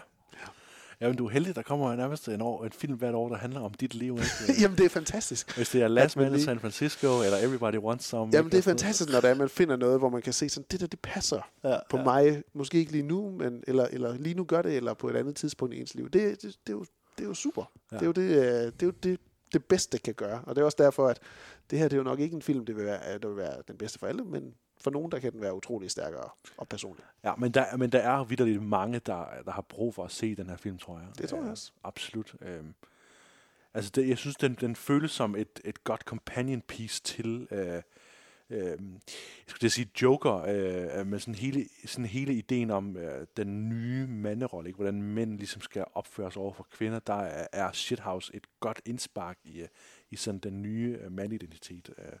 Så på den måde er det jo, udover at være en personlig film for os, der ligesom har haft de oplevelser, som, øh, som figuren har, så, øh, så er der også mange mænd, der generelt bare har oplevelsen af, jamen, hvordan øh, møder jeg ligesom kvinder, ikke? Øh, uden det bliver sådan for overdrevet. Det bliver aldrig sådan overdramatiseret. Det bliver meget, øh, igen, Linklaters ånd, ikke? At det bliver sådan øh, øh underspillet og, øh, og, øh, og realistisk øh, ned til sådan hver eneste replik, ikke? Ja, præcis. Så der, hvor det går galt, altså første halvdel af filmen, det er jo de her to, drengen og pigen, der mødes og er lidt akavet over for hinanden, og så har de en fantastisk spændende nat, hvor de bare går og taler og lærer hinanden at kende, og, og, og lader til at have noget, og så næste dag, så er det som om, at det, det ikke var det, der skete i hendes optik. Det var altså den, den, den connection, den, den stopper hun ligesom med, her, med at have. Øh, og det kan have noget at gøre med, at hun ikke, er, ikke vil åbne sig op på det tidspunkt, eller ikke har interesse i at skulle gøre det, være, være sammen med nogen på den, på den måde, hvor det er, at han rigtig gerne vil det, og så, øh, og så, så kan de ikke de kan ikke finde ud af at ramme hinanden efterfølgende der. Øhm, og det, det, var, det var en fantastisk film, synes jeg. Og Den kan ses på øh, filmstriben, og den kan også lejes alle mulige steder.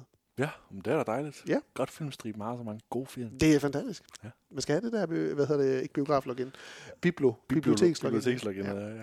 Hvad er den bedste film, du har set i, uh, i 2021, Jens? Den bedste film er, er uden tvivl uh, Adam McKay's uh, Don't Look Up. This is not real. This is not real. This is not real. This isn't happening. Kate, uh, tell me this isn't really happening.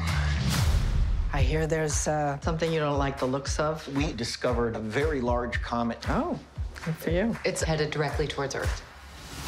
This comet is what we call a planet killer. At this exact moment, I say we sit tight and assess. Sit tight and assess? Sit tight. and then assess. The sit tight part comes first, then you got to digest it. That's the assessment period. This is the worst news in the history of humanity. He just blew us off. What are we gonna do? We have to release the information. So we just leak it. Our guests today have made a pretty big discovery in space. How big is this thing, though? Like, can it destroy my ex-wife's house? Is that possible? There's a 100% chance that we're all going to die. Kate, Kate. Hey.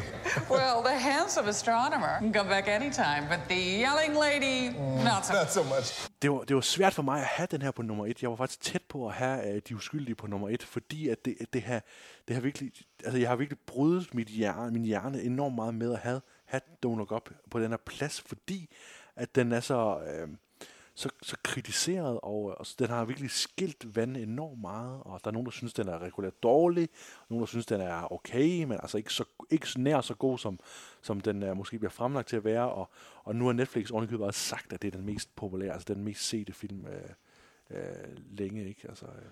Ja, vel ikke siden Red Notice, den har vel... den, den, den, Jamen, Jamen, øh, der er aldrig nogen, der kan slå Red Notice seertal, det er helt sikkert. Det kan aldrig lade sig gøre. Nej.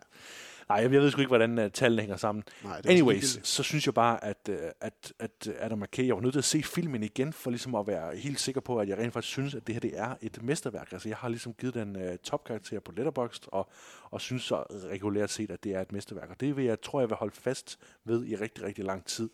Øhm, jeg ved ikke, hvad jeg skal sige om Don't Look Up. Altså, det var for mig en, en, en åbenbaring at se Don't Look Up, fordi øhm, den føles som om, den handler så om så meget mere end bare øh, Leonardo DiCaprio, der har fået Adam McKay til at lave den her frelserfilm om at ligesom sige, jamen, nu laver vi en uh, parabel på klimakrisen, og så redder vi verden ved at, ligesom at fortælle folk, jamen hvis det så vildt var en komet, hvad vil vi så gøre? Og, og ligesom sætter det lidt på spidsen med en satire. Jeg synes, når folk kalder det en satire, så er de misset pointen, fordi pointen med Don't Look Up, det er, at det egentlig bare er et spejl på virkeligheden. Og jeg tror, der er mange, der ligesom øh, kritiserer den for ligesom at spejle vores, de negative sider, og, og måske sætte mange sådan, de negative aspekter ved virkeligheden lidt på spidsen. Øh, især det hele element i, hvordan øh, fortolker vi virkeligheden, synes jeg er urimelig fascinerende for uh, Don't Look Up. Øh, at, øh, at vi har ligesom som kernescene i filmen, har vi Leonardo DiCaprio, der gør sit bedste for at, at, at, at endevende uh, Networks ikoniske I'm mad as hell, I'm not gonna take it anymore. Uh, men i hans tilfælde handler det netop om, hvordan at vi ikke kan uh, bare tage sandheden, men vi er nødt til hele tiden at, at dekorere sandheden med glitter og krømmel og glasur. Så slemt er det heller ikke. Øhm, og ligesom lade som om, jamen, vi er nødt, vi er nødt til at, at have media training, fordi jeg ved hele tiden, de her videnskabsmænd i filmen, you need some media training. Øhm, og, og, og det er jo, øhm, burde jo i hvert fald for de fleste være øh, en, en helt indlysende pointe efterhånden, at den her idé om, at vi er nødt til at fortolke ting, vi er nødt til at lave virkeligheden om til historie, vi er nødt til at skabe konflikt. Alle sådan nogle ting er noget, som, som jeg selv beskæftiger mig meget med i mit arbejde som underviser, når jeg ligesom snakker om medierne og deres brug af forskellige nyhedskriterier.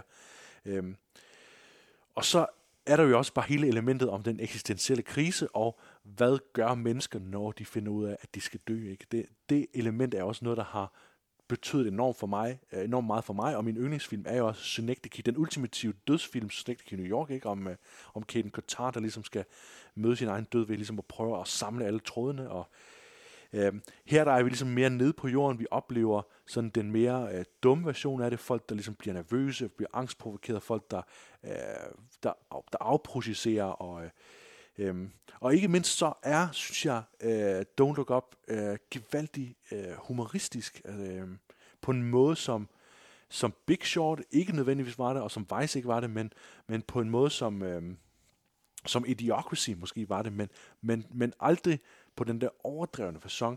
Jeg synes, Adam McKay, han på trods af det, folk siger, er en mester i at klippe og, og ser det her med at blive pludselig at bruge stillbilleder, lige pludselig at referere over til en kolibri, der flyver, og nogle munke, der sidder og, og chanter, og, og lige pludselig have sådan nogle større perspektiver med popstjerner og de her øh, vanvittige social media kanaler, øh, giver ligesom et nødvendigt perspektiv, hvor vi alle sammen kan føle os involveret i, øh, i de her tematikker, der findes i øh, Don't Look Up.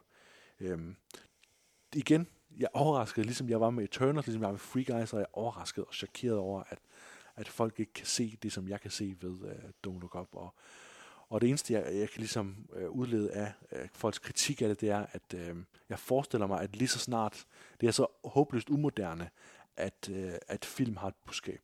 Jeg fornemmer ligesom, at det er blevet det nye sort, at mm. film skal være sådan meget underspillet, meget mystiske, meget esoteriske, meget sådan uh, uprovokerende, meget uh, for sig selv, og så kan man selv lægge noget ind i, og hvor Don't Look Up jo er enormt fanden i voldsk og er meget sådan provokerende, og præsenterer ligesom øh, en præsident, der kun bekymrer sig om ratings, og, øh, og en amerikansk befolkning, der kun bekymrer sig om, øh, om skilsmisser, ligesom de måske kunne ovenikøbet bekymrer sig om Kanye West og Kim Kardashian langt mere, end de bekymrer sig om, om det, som Adam McKay synes er vigtigst. Og det er jo nok der, hvor at, øh, at jeg udenbart kan forstå kritikken, det er, at, øh, at det bliver meget sådan en, en samtale, man har haft en masse gange med folk til Thanksgiving og folk til andre sociale arrangementer. Hvad er der vigtigt, og hvad skal vi snakke om, hvad skal vi ikke snakke om? Og, og Adam McKay, han har ligesom sin tydelige holdning uh, front and center i Don't Look Up. Ja, Øhm, en opråbsfilm. Ja.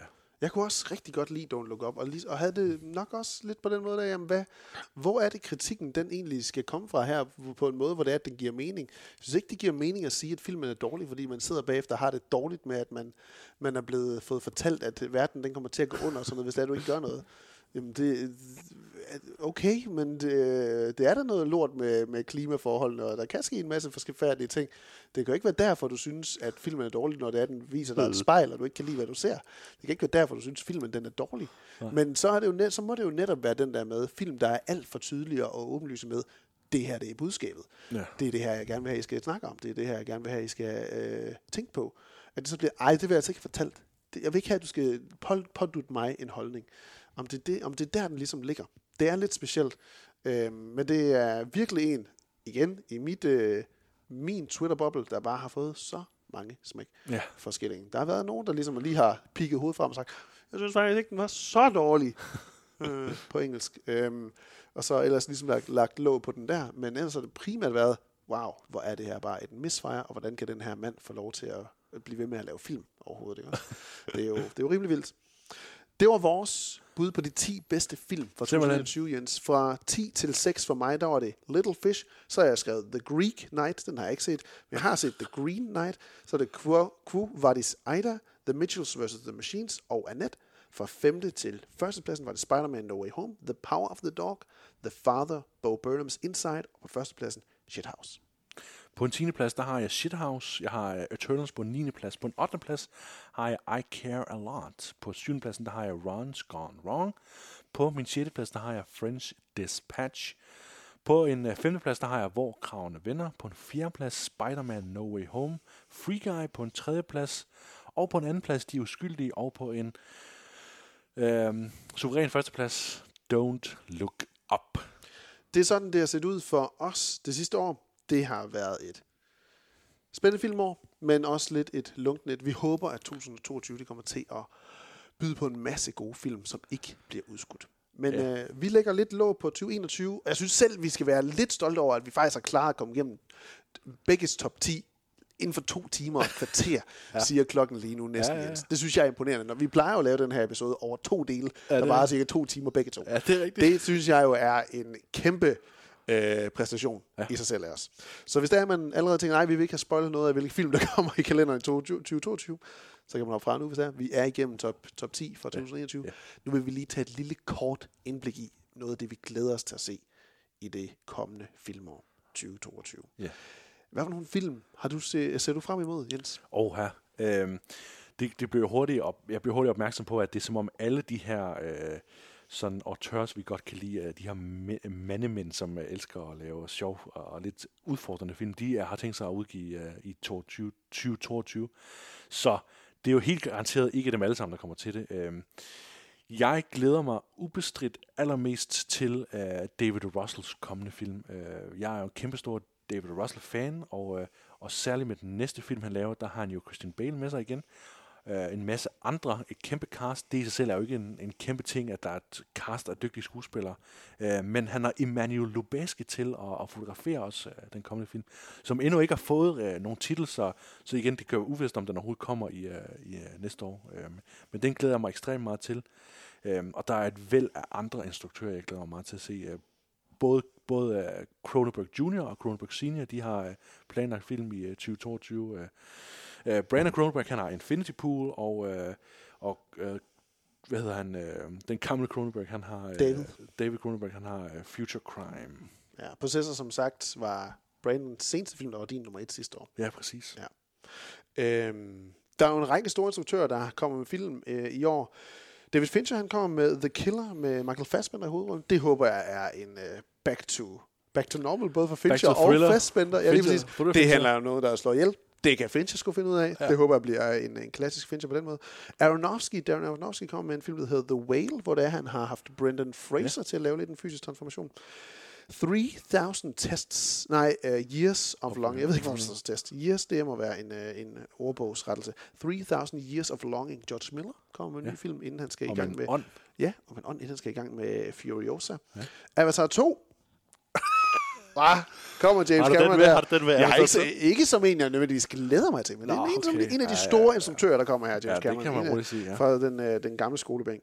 Killers of the Flower Moon, Scorsese øh, går fra Netflix over til Apple TV Plus Ja, det og laver den med Leonardo DiCaprio og Jesse Plemons.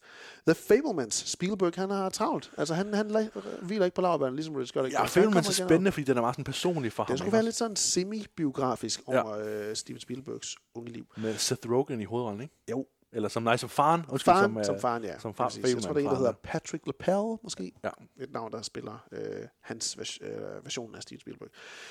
Vi har også vores øh, hellige trækløver. Øh, Gyser-trekløveret. Robert Eggers, Ari Aster og Jordan Peele, der kommer med henholdsvis The Northman, Disappointment Boulevard og Nope hver især. Ja. Skulle gerne komme alle tre i år. Det er også vildt meget til at se. Ja. Jim Cummings, The Beta Test, håbede, havde jeg håbet kom sidste år, kommer forhåbentlig i år. Øhm, hvis jeg sådan skal sætte, hvad ved Armageddon Time, Armageddon Time, James Gray, jeg er jo vild med Ad Astra, hans seneste film, og kan også rigtig godt lide The Lost Ja, okay. uh, City of Sea. Jeg glæder mig til at se, hvad han laver nu. Hvis jeg skulle lave en top 5 over de film, jeg glæder mig allermest til, så ville det, uden at rangere dem, være Cha-Cha Real Smooth, som er Cooper Rave, altså instruktøren af min nummer 1 film i år. Okay. Så næste film, der har han uh, Dakota Johnson med, som uh, en, den kvindelige hovedrolle, og han spiller også selv med igen. Disappointment Boulevard, selvfølgelig fra Ari Aster, og man kan lave en, øh, en fantastisk trækløver af sine tre første film. The Worst Person in the World havde jeg også håbet, jeg kunne se. Jeg var så tæt på at kunne se den der på, på juleferie oppe i Norge, fordi de viste den i. Frederiksstad Ah, ja. biografen. Og så ligesom jeg skulle have planlagt, at vi skulle ind og se den, så var den taget af programmet. Så skrev jeg til dem og hørte, er det rigtigt, den taget af?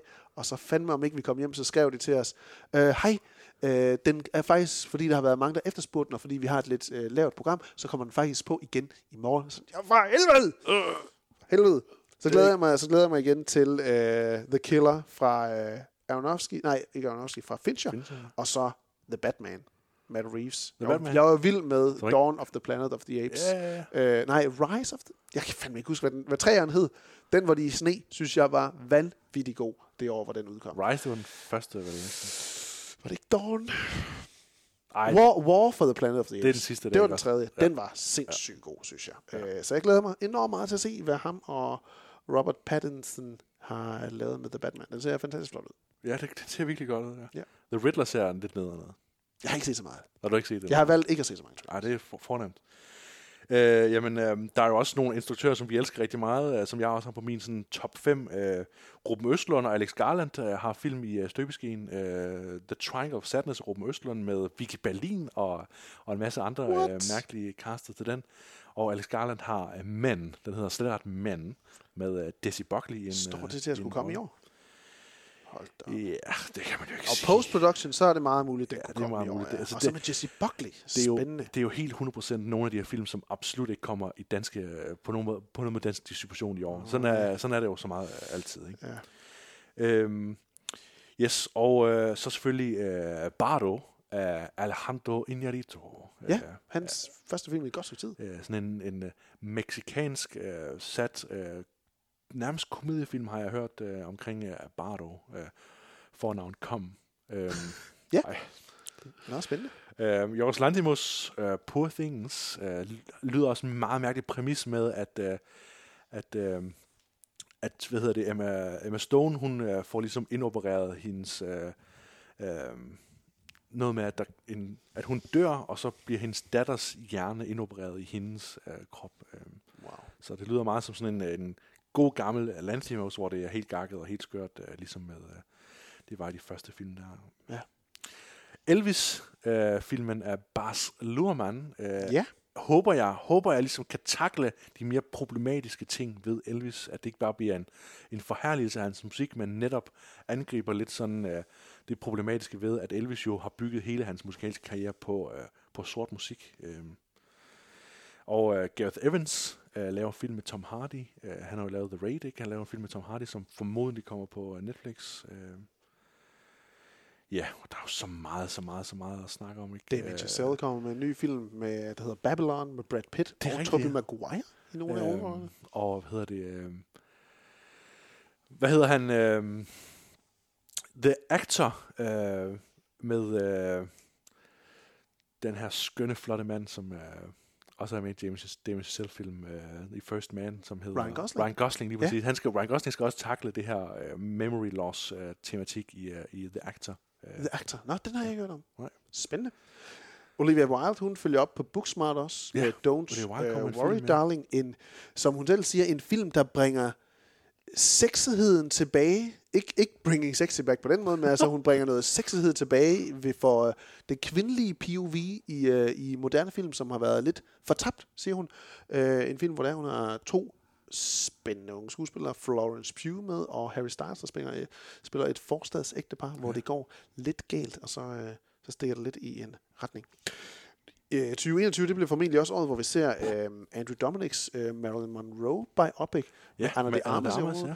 En film, der er blevet meget omtalt på grund af, at den skulle være meget eksplicit og meget voldsom. En, sådan en ret øh, altså stærk, grov, måske sexet skitsering af, hvem Marilyn Monroe var, der skulle have nogle meget øh, grafiske sexscener også med. Mm. Øhm, det lyder jo alt sammen spændende. Hun er ved at positionere sig selv som sådan et øh, sexikon, ikke? Også fordi hun laver den der erotiske thriller med Ben Affleck, ikke også? Er det ikke Jo, d- jo den, øh, den, den kommer formentlig også i år. Øh, ja. den, det er jo en Disney-film nu jo, så den, øh, den har de nok lidt svært ved lige at se, Ja. hvordan de skal snige den ind under Star-banneret på Ja, deres uh, streaming service.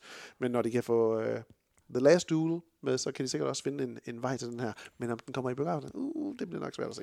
Jeg har også lige en håndfuld danske film, jeg glæder mig til Ja, at se. nævn dem endelig. øh, Speak No Evil, Christian Taftrups øh, næste film, han lavede jo øh, en, frygtelig, en frygtelig kvinde, og, og har ligesom øh, fundet en vej ind til at lave nogle anderledes danske film. Øh, jeg kunne rigtig godt lide øh, Kollision af Avas-brødrene. Mehdi Avas, han laver så en, øh, en film, der hedder Toscana, hvor Anders Madsen spiller kok.